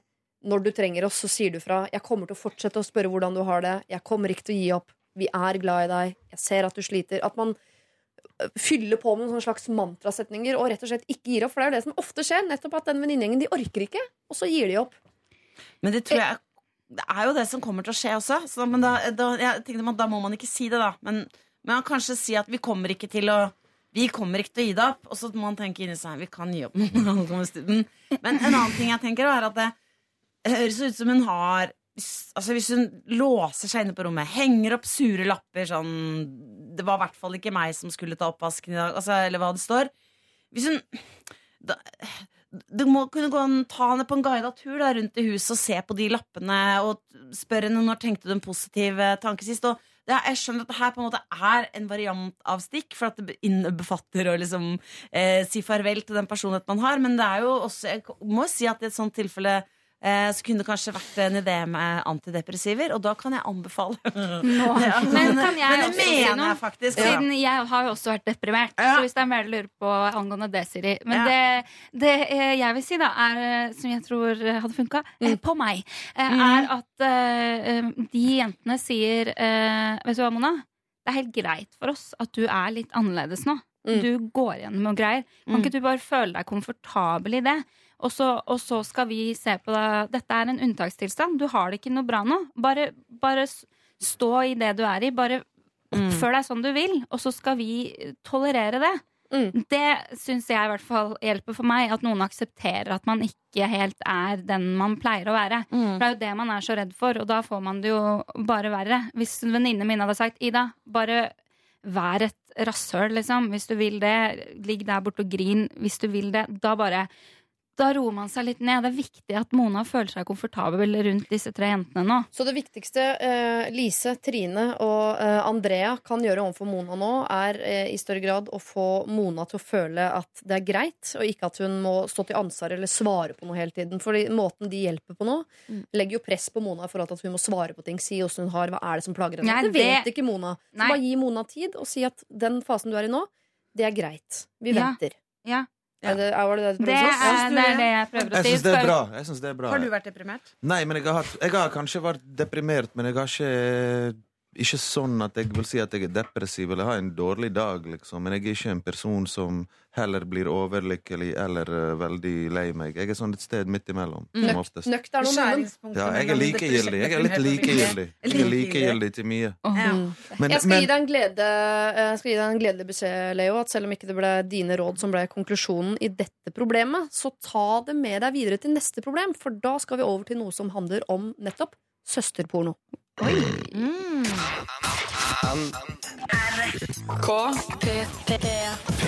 P3. Hei, jeg er en kvinne på 23 år som har bodd i over et år med verdens beste samboer. Han er utrolig snill og omtenksom, og vi har vært gjennom mye sammen. Vi er flinke til å snakke sammen og har aldri hatt problemer med forholdet.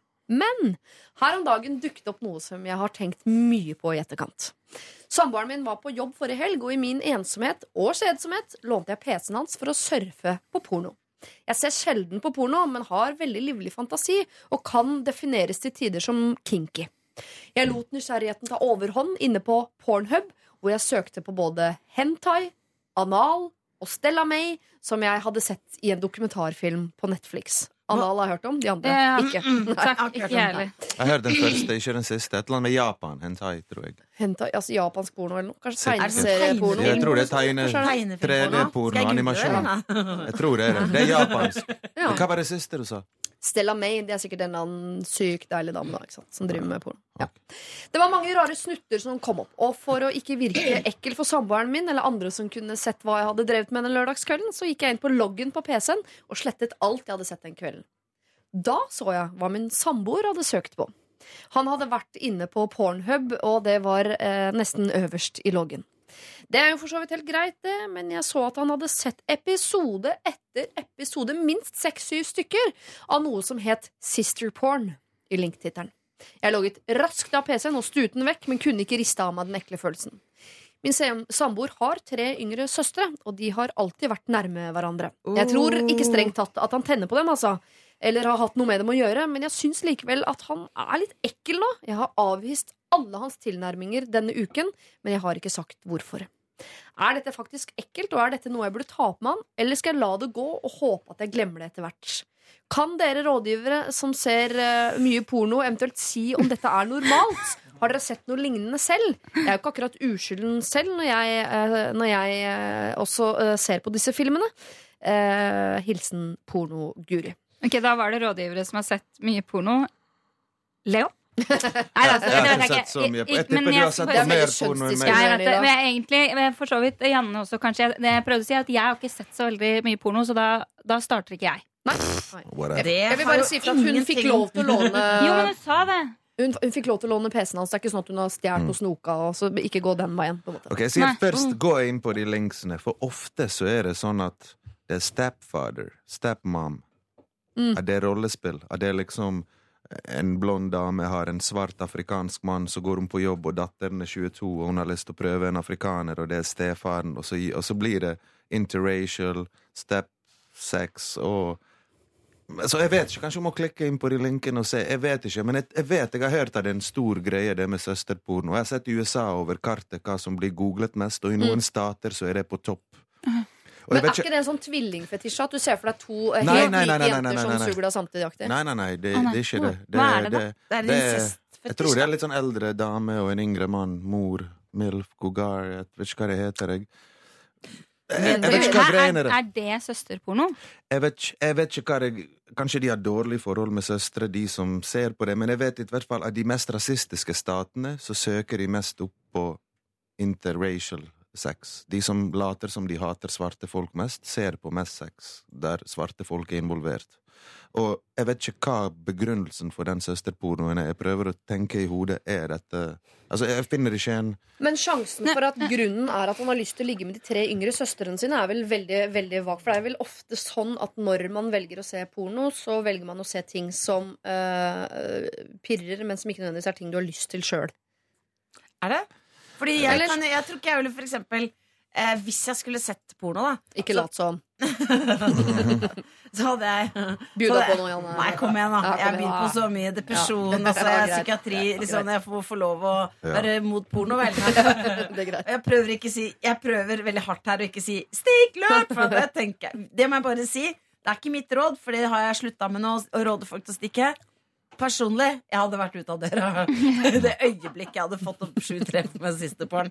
Eh, det er slutt mellom meg og kjæresten min, forresten. Men det, det, det, er ikke det, det er ikke det vi skal snakke om nå. Bare kom på det i forbindelse med stikking. Men porn, sisterporn, det er altså Mm. da for eksempel altså, to søstre som har sex. Det er det som han har sittet og sett på, liksom. Men da er det liksom søstre, eller er det ekte søstre da? Det, hvis det hadde I vært stepsister, så hadde det vel hett stepsister-sex, da. Jeg, vet, jeg tror det er mer rollespill. Jeg tror Ja. ikke pornobransjen tillater ekte søstre og brødre å ligge med hverandre og Nei, men de kan jo bare Det altså- fins søstre tvillinger, det har jeg sett sjøl.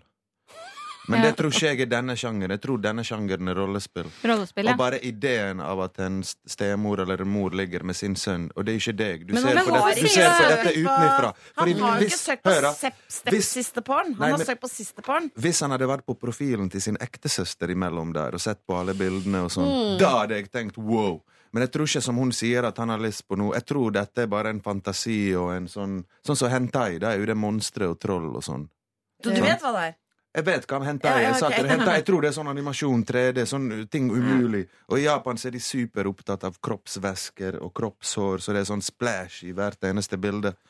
Så de syns det er digg splitt og sånne ting. Men det virker jo ikke som at det er Og i Japan, Japan så har de faktisk pedofiliblader òg, for de mener at fantasi og virkelighet er noe helt annet. De har faktisk blader med skolejenter i form av pornoblad som er tegnet, ikke ekte, som, som er akseptert i samfunnet, fordi at de greier å skille fantasi og virkelighet. Mens jeg, ikke, jeg, jeg, jeg sier ikke jeg er enig, men jeg sier bare sånn som det. Ja, men, Men hva skal Pornoguri nå har jo eh, hengt seg mest opp i det at han har søstre, og han har søkt på søsterporno.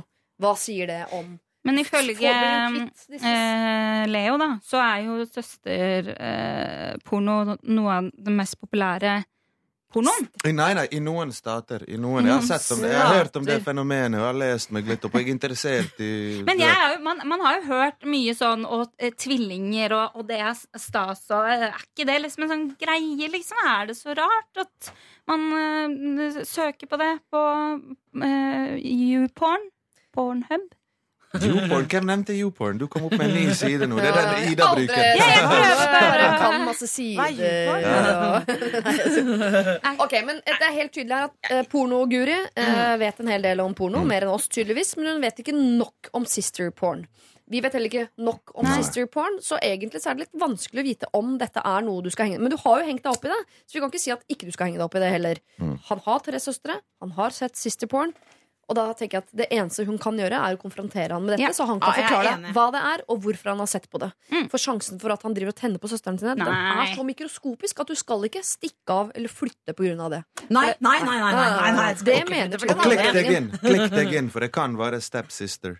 Ja. Bare de kaller det Ja. sister for å nå frem til de syke folka som googler det, kanskje.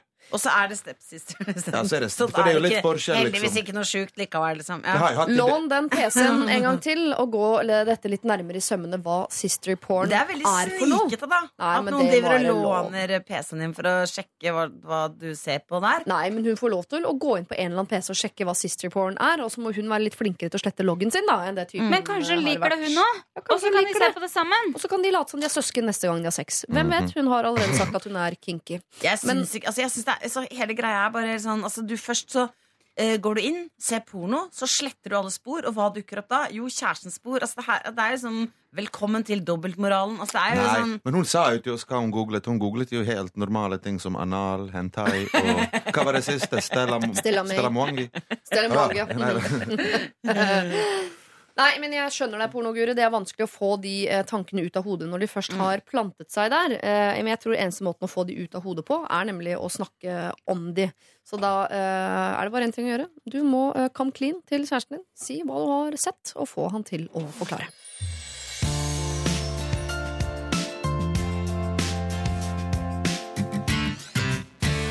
Kjære Lørdagsrådet. Jeg har en hårsykdom ikke farlig eller smertefull, som gjør at jeg fra tid til annen delvis mister håret på hodet. I de siste årene har dette eskalert, og jeg har de to siste årene brukt parykk. Utad så vises ikke dette. Dessverre klarte jeg ikke å være åpen om det fra starten, og jeg har skjult det veldig godt. Noen av mine nærmeste vet om det, men ikke alle. Jeg syns det er litt skamfullt, og dette har nå bygd seg opp. I situasjoner med f.eks. overnatting da, så har jeg måttet fortelle om det. Eh, da jeg ikke bør sove med parykken om natta. Det har alltid vært befriende å fortelle om det når jeg har måttet, og skulle ønske at jeg klarte å si det til alle når jeg har dem rundt meg, slik at jeg ikke trengte å gå og tenke på det. Men hvordan bør jeg deale med dette når jeg en gang forhåpentligvis øh, finner en mann som jeg etter hvert forhåpentligvis vil dele seng med, og mer? Når skal jeg fortelle det, liksom? Hvordan skal jeg fortelle det? Hvordan skal jeg unngå å skremme han, samtidig som jeg ikke ønsker at dette skal være en stor greie? Jeg skal jo tross alt vise mitt sanne jeg, men skal jeg vente til han er dypt forelsket, slik at, han ikke vil forlate meg? Eller skal jeg gi han en sjanse til å rømme før han blir for involvert? Det skal sies at håret kommer og går, og akkurat nå har jeg en del hår midt på hodet, men ikke på siden. Så jeg er ikke skalla, men jeg kan absolutt ikke gå uten parykk. Det kan komme tilbake en dag, men det kan jeg ikke vente på. Hilsen Fredrik. For ordens skyld, jeg er 30 år, eh, 31 år, og jeg har en sønn på tre. Vært singel i to. Så dette er en homofil mann, altså? Ja. Ok. Jeg trodde kanskje at det var lettere for, eh, for menn er å bare si at man var eh, skalla, en, eh, eller at man mista håret enn hvis man var dame. Men det vet jo du alt om. Jeg har en venn som har faktisk fikk det i tenårene, der kroppen bare reagerte og ble allergisk mot hans egne hår og avstøttet de. Og jeg har snakket med han, og han, han kunne ikke tenkt seg å ha hår igjen. Han sier liksom, Damer sier til han at han er som en luksusprostituert. Fordi at han er så glatt hud og ingen hår. Og, sant? Men, Ja. men, eh, men også Jeg vet ikke, jeg. Det er jo mange som kler å gå. Jeg har jo hatt, Det er jo første gang jeg har latt håret mitt gro. Jeg har jo ikke et problem, men jeg har jo nesten vært skallet med vilje i seks år, for jeg liker stilen. sant? Hatt så Mm. lite hår som mulig. så det for en mann å være skallet er ikke så gale, og det kommer med alderen uansett. Spørsmål om tid. Hadde han vært en jente, så hadde jeg syntes at det er litt mer problematisk, kanskje. Ja. Jeg vet ikke, for jenter er litt mer opptatt av utseendet, tenker jeg. Men siden han er homo, så tenker jeg ok, kanskje han er litt mer som jenter og sliter litt mer med dette problemet. Ja, det Det er kan sant. hende at Fredrik er eh, ekstra opptatt av hår nettopp fordi Ja. han ikke har hår. Så han har Ja. lyst på den fyldige Ja, men, manken. men det er jo fristende å si at uh, det er jo uh, mange menn som er skalla, og som Leo som gjør det med vilje. Det er jo liksom en slags sveis, og mange kler jo det veldig godt. Men det er jo ikke det han spør om, for han vil åpenbart bruke Parykk. Eh. Ja. Så det er egentlig ikke noe, eh, noe å snakke om. Men Mm, er Spørsmålet er eh, eh, hvordan han skal si det til en fremtidig kjæreste. Og når. Uh, og når, ikke minst når. Eh, jeg syns jo det må komme ganske tidlig, jeg, da. Eh, fordi det er jo Altså, tenk å bli dumpa fordi du bruker parykk Mm. langt uti. Da er det jo en ass uansett. Så hvis du uh, har gått på et par dater og bare Du, forresten, jeg, jeg bruker parykk. Jeg har en sånn hårgreie. Jeg ville ikke reagert på det personlig. Men hvis han da sier sånn Å, fy faen, det orker ikke jeg. Jeg skal ikke være sammen med en mm. Sånn parykkfyr. en parykkfyr. Mm. Uh, da, ok, fett. Da veit jeg at da er ikke du noe å satse på, så fuck off. Man skal gi han en sjanse til å rømme før vi blir for eh, involvert. Tenker Sånn, er dette en informasjon man skylder å gi hverandre? Det er jo Ja, sånn det synes jeg er veldig interessant. Jeg presenterer jo et glansbilde av meg selv som eh, når Ja. du kommer nærme nok, så vet du at det er ganske mye av dette her som ikke er akkurat som Du eh, tar man skulle ikke tro. ut gebisset og legger et glass med vann på, på, liksom, i vannglasset på restauranten etter desserten på første date. Liksom. Ingen gjør jo det. Nei, jeg tenker også at man kan vente litt grann Ja. med å på en måte uh... Ja, jeg, helt ærlig så mente jeg for uh, Fredriks uh, egen del eh, å, å si det tidlig. Fordi hvis han han, tenke på det, liksom. ja, og hvis han Ja. møter en mann som Mm. syns det er et problem, Ja. eh, så finner du jo da tidlig ut at ja, men du er jo ikke noe å satse på. Hva med, hva med å bare liksom midt i en samtale der du snakker om jeg tok Uber i går, og det var 15 minutter for sein, du vet sånn typisk hverdagsklaging. Du bare drar litt tilbake på parykken, klør deg litt på pannen, tar han tilbake, later som ingenting, og så ser du reaksjonen, sant? Du ser om den personen er overfladisk og begynner å se stygt og behandler deg annerledes, Ja. eller om den personen bare ja. og, og det kan også hende den personen vet og ser det.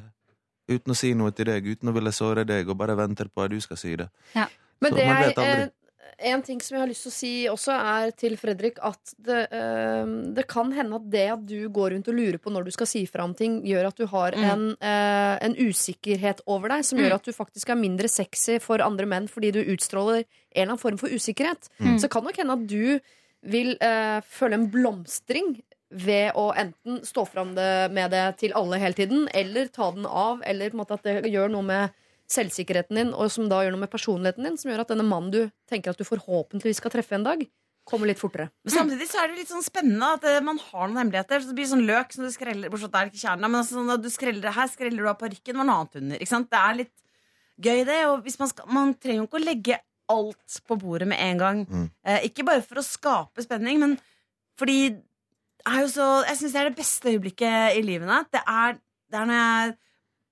merker at jeg har blitt sånn skikkelig godt kjent med noen, og de betror seg et eller annet til meg. Eller omvendt, at jeg betror meg et eller annet. Da. Sånn, sånn som i stad, for eksempel. Jeg sier at eh, ja, jeg har jo vært deprimert, og da sier du sånn Jeg har også vært deprimert. Så det er litt sånn koselig. Mm, mm. Derfor så syns jeg at uh, man kan vente med å fortelle ting bare for at da får man den fantastiske effekten at når han en dag da kaster parykken, så kaster eh, kjæresten masken. Eller da kan de ha det øyeblikket sammen. Jeg synes i hvert fall hvis han opplever da at istedenfor å rømme, så er det en som kommer nærmere. Ja, det er fantastisk. Vet du hva? Jeg syns Fredrik ikke må tenke på eh, hvordan og når og hvordan han skal si det av hensyn til denne mannen. Jeg syns han skal liksom eh, ta hensyn til seg selv. Hva er det som føles riktig for han? Gjør det på hans premisser. Hva er det jeg er komfortabel med? Når er det jeg eh, Fordi nå er det liksom sånn for å dra i land en mann, og da, da Ja, men Ja, jeg bare ler for at jeg bare så for meg sånn bilde av at du skal, du skal, ikke Han sier unnskyld, Leo. Unnskyld. Men jeg må bare fullføre likevel. Jo, men det er bare at jeg, altså det er liksom det øyeblikket når man skal gå og legge seg med noen, og så sier de sånn Ja, da tar jeg bare av parykken og gebiss. Ikke sant? Det er jo et eller annet sånn ego over det, og at liksom, folk ikke skal få lov å velge, da. Ja, nå sier jo du mot deg selv. Ja, det gjør jeg alltid. Og etterpå skal jeg si for meg selv igjen. Sånn maler jeg det gående. Ja, det er det jeg mener. Og selvfølgelig På et eller annet tidspunkt må man jo si det, men det viktigste er jo hva som er riktig for Fredrik. At Han må ikke legge så mye vekt på hva han tror er liksom riktig for denne mannen han skal møte. Eller for hvem. Hva er det han er komfortabel med? Og Fredrik, jeg må nesten si beklager, for her har vi gitt Ja, råd vi fra har- den ene enden av skalaen til den andre. Men jeg, jeg, jeg er mener at alle de rådene våre- likevel er gode. Jeg syns en god løsning kan være å, å si fra til alle nå med en gang. Jeg syns en god løsning kan være å fjerne parykken hvis det gjør noe med at du får bedre selvtillit. Jeg syns en god løsning kan være å, å eh, vente litt med å ta av parykken for å uh, kunne spare på det øyeblikket. Jeg syns alle disse rådene er gode. Men det viktigste er, som Ida Fladen sier, at det skal være komfortabelt for deg, og ikke på vegne av noen andre. Dette er P3. Muggisho fikk vi der med sin eh, sang om, eller til, Milano. Hvem eh, vet? Hvem har vært i Milano? Leo? Jeg, jeg. Leo har vært der. Jeg har vært der. Der har du faktisk vært. Ja. Jeg spurte tidligere om du har vært i Sør-Afrika, jeg bare liker å vite Ja, ja, ja. har faktisk vært der, ja. Du har ikke bare tatt eh, Milano wax? Hva med deg, Ida Fladen? Har du vært i Milano? nope. No. No. Jeg har vært der, hvis dere lurte, men glemte å spørre. Jeg lurte. men glemte å spørre. Eh, Og fra det over til en annen eh, eh, som er sur. Sure Sara, som har sendt inn denne mailen. Hei og hå, jeg har et eks-problem. Jeg har en eks. Det ble slutt for noen år siden, og nå for noen uker siden fikk jeg meg en ny kjæreste. Forholdet til eksen er veldig fint. Vi har snakket mye sammen etter at det ble slutt, og er gode venner. Vi har mange fellesvenner, så noe annet ville vært rart. Vi har hverandre på Instagram, Snap og Facebook, og det finnes naturlig nok bilder på disse sosiale mediene av oss to fra tiden vi var sammen. Helt normalt, ikke sant? Så, da jeg fikk ny kjæreste, la oss si at han heter Christian, så fortalte jeg det naturlig nok til min gode venn og ekskjæreste, la oss kalle han Eirik. Og han tok det pent. Gratulerte meg, og alt var fint og flott. Så noen dager, eh, nå for noen dager siden så fant jeg ut at alle bildene av oss to er slettet. Hvert eneste spor av at vi i det hele tatt har kjent hverandre, er borte. Først ble jeg overrasket, så ble jeg såra, og så ble jeg forbanna. Hvorfor i alle dager skal han gjøre det? Vi har jo ikke vært sammen på årevis. Vi har data andre mennesker siden dette. Riktignok ikke noe seriøst, men dog. Og det virker ikke som om han har vært forelsket i meg i det hele tatt. Jeg har snakket med kjæresten min Christian om det, og han sa at dette er sånn gutter gjør for å kvitte seg helt med bilder som kan gjøre vondt å se på. Men den kjøper jeg ikke. Det har jo gått mange år. Jeg er skikkelig skuffa og såra. For meg så er dette eh, bilder som gir meg minner, og mange av dem er fine bilder, ikke bare av oss to, men som minner om hyggelige opplevelser. Jeg har fortsatt bilder av han på sosiale medier. De er nøytrale. Ingen halvnakne sydenbilder eller noe sånt. Og det er hyggelig å se på dem for å huske turer. Men jeg har begynt å lure på om jeg også bør slette disse. Så hva gjør jeg da? Skal jeg slette mine bilder? Skal jeg spørre eksen min Eirik om hvorfor han er så kjip, og hva problemet hans er? Eller skal jeg bare gi blanke i hele greia? Selv om det er litt vanskelig, altså. Ah! Hilsen Sure Sara. I hvert fall må hun huske å ta backup neste gang hun skal gjøre slutt med han der nye fyren. da. Så at hun har noen bilder fra livet sitt.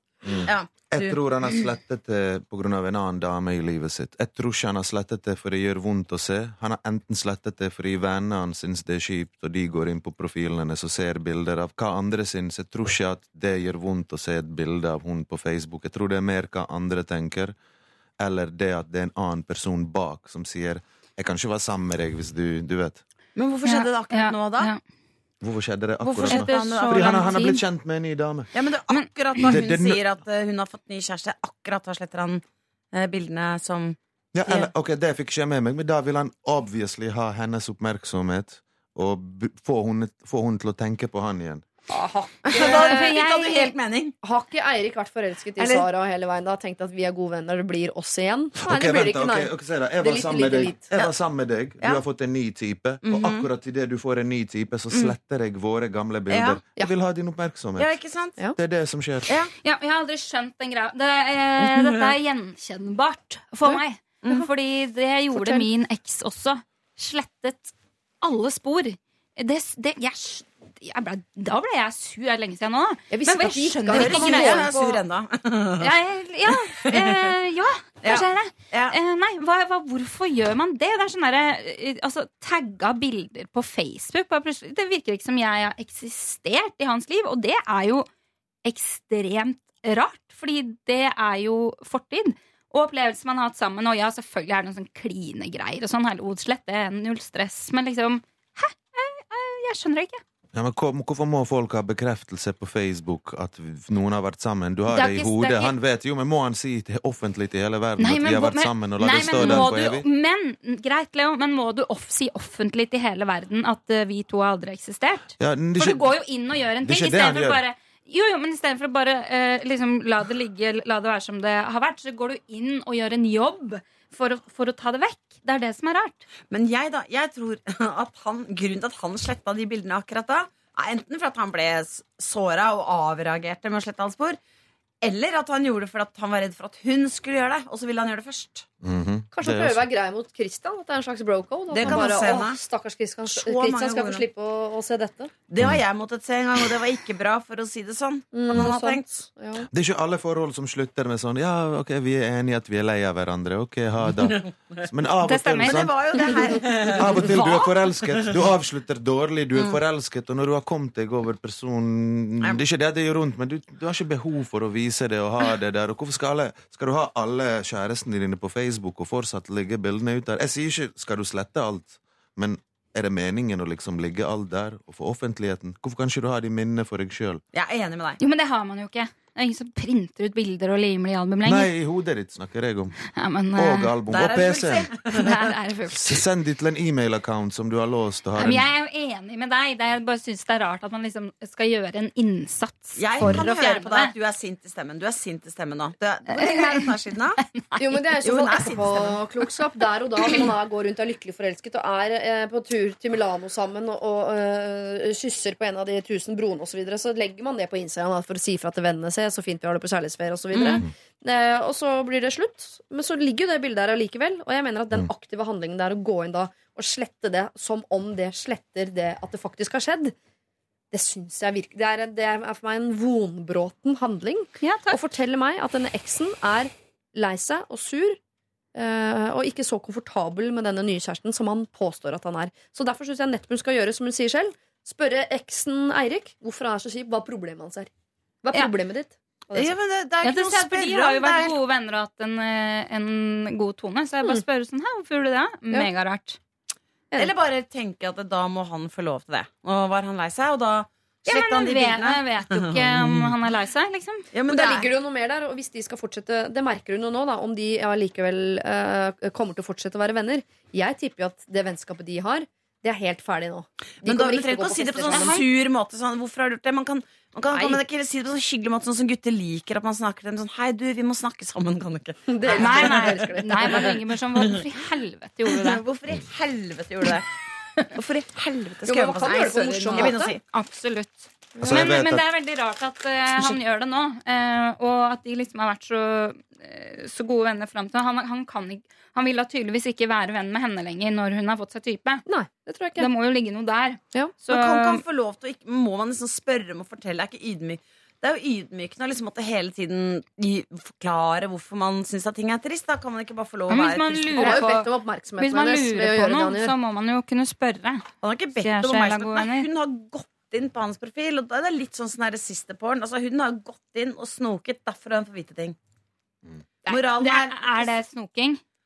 Hvorfor, hvorfor gikk hun inn på eksens det, det er det som har vært problemstillingen. Hvorfor gikk hun inn på eksens profil for å finne ut om han har slettet bildene eller ikke? Det burde hun drite i. Hun er jo forelska, hun har en ny kjæreste. Ja, det er det jeg også Ikke mener. sant. Det er, hvorfor skal hun, hvis hun er ferdig med han, la han være ferdig med hun Ja. på sin måte. Hun Ja. kan ikke kontrollere hvordan han skal deale med bruddet med hun. Nei, Absolutt Så lenge det ikke er bare- går utover Det er hun. bare rart at han begynner å deale med det etter fire år.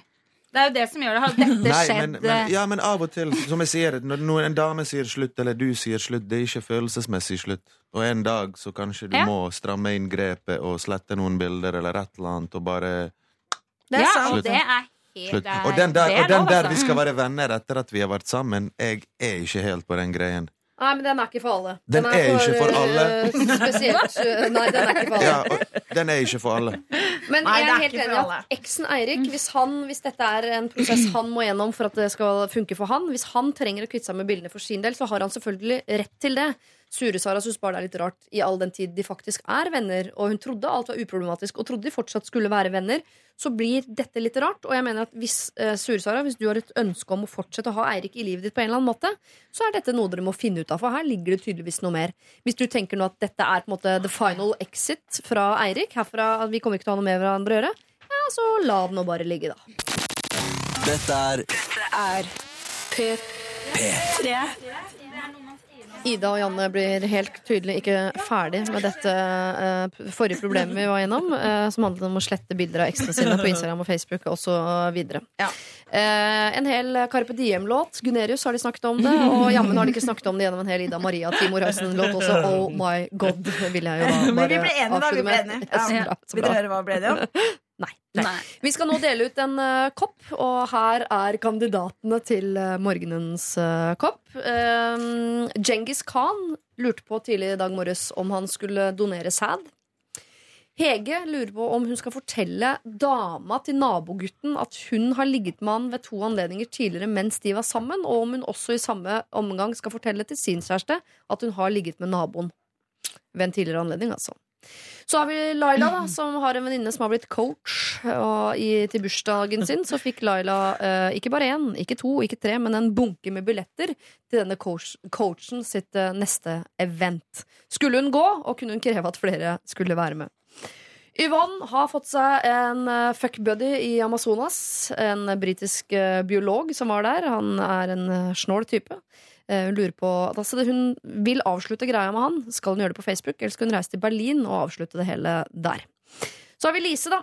Som eh, lurer på på vegne av et helt jentekollektiv hvordan de skal gå fram eh, når en av jentene i kollektivet har hatt en total forandring av personlighet og virker deprimert. Pornojury lurer på om hun skal konfrontere kjæresten sin etter at hun fant ut i loggen hans at han har eh, og surfet på sister porn.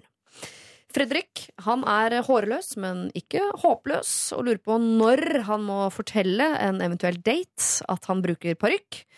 Og til slutt Sure Sara, som er eh, litt i stuss over at eksen hennes slettet alle bilder av dem på sosiale medier etter at hun fikk seg ny type, enn hun nå trodde at de bare fortsatt var venner. Mhm. Janne, du har allerede røpet at du ganske tidlig i dag bestemte deg for hvem du mente skulle få kopp. Ja, men så ombestemte jeg meg litt, men nå husker jeg ikke hva jeg ombestemte meg til. Så da må jeg ta det første. Ja. Eh, nei, jeg tenkte jo på han, han med spermen. Spermannen. Ja, Det Ja. er ikke det som er greit at du gjør det i en kopp. Så jeg tenkte da har han kopp. så er Ikke han- sperm i Lørdagsrådekoppen! Det er blasfemi! ikke bruk den som mensenkopp, og heller ikke til sædkopp. Det er lov. Og jeg føler du stjal ordene fra munnen min. Jeg ville Åh. si helt det samme med en gang. jeg- Åh. Kopp, det er jo logisk. Helt logisk. Ja, det er jo det, liksom. Så jeg, jeg sier det samme. Ja, Da er det ikke noe å si hva jeg sier, da? eller? Jo, Jo, alle tre må være enige. skulle du si, hadde du tenkt på akkurat samme, du òg? Nei, nei. Jeg hadde tenkt på hun som måtte coach. Jeg syns hun fortjente en kopp. Det kommer ikke noe humor her, altså. Fordi måtte gå til coach, fikk kopp. Nei, ja, men for, ok da, Hvis man må, hun må bruke den i den settingen La, la oss si hun tar den med på dette coach-eventet. Mm. Fyller den opp med sprit og overleve på den måten. Ingen som ser hva som er i koppen. Nice. Ikke humor. Blodig alvor. Ja, ja. Kan vi kombinere det? At Sperm Khan Ja. fyller den med sperm, og så tar hunden med det på coach-event og det? drikker det for å overleve? Nei, Ja. Siri. Eller at hun tar det med inn i siste porn og drikker det. Kan alle dere møtes, og så spermer dere en kopp sammen? Men, nei, men man, hun, hun kommer jo til å trenge et krus eh, med litt av skvett med vin på det coach-eventet. Hun må Ja. gå alene også, fordi ingen av vennene hennes vil jo være med. Jeg vil heller at mine lørdagsrådekopper fylles med sæd, enn at de blir med på coach-eventer. så det blir Jeg fikk ikke med noen venner, men jeg tok med en kopp. Nei. Hva var den etter, Hva var den etter han eh, Djengis Khan igjen? Jeg tror, Etter uh, sædmannen så hadde vi uh, coach-kvinnen. etter det, da? Uh, nei, det var Hege, nabogutten Utroskap. imellom der. Utroskap med naboen. Nei, det var ikke den heller. Men vi Nei. går for sæd, da, eller? Ja, det, la det bli siste ord. Takk for oss. Ja, men tenk, og da kan koppen være med på å bringe liv i Ja. verden. Ja. Hvis han gjør det Så om 18 år så vet jeg Mm. at det går åtte små 8-åringer Nei, og 18-åringer der ute som uh, ble unnfanget i en P3-kopp. Ja. Det er helt sant. Så vi kan si Lørdagsrådet gir livet i gave Ja. til åtte personer. Å, herregud. Det er jo fantastisk. Ja, det blir en uh, sædkopp. Djengis Khan, du får eh, koppen denne uken. Og hva du fyller den med, det velger du selv, altså. Men eh, veldig gøy hvis du klarer å fylle en hel kopp med sæd. Da er Ta du gjerne bilder og send dem. Da har du store er baller, ass. rå mann, ass. Det må jeg bare si. Slik gutter lever gjerne Norge. Ha. Tusen takk for i dag, dere. Ida, Janne og Leo. Ha en fortreffelig lørdag videre, og takk for gode råd. Det er best. Og kos dere med sæd. Nei, æsj. Tre. Dette er Lørdagsrådet på P3. P3.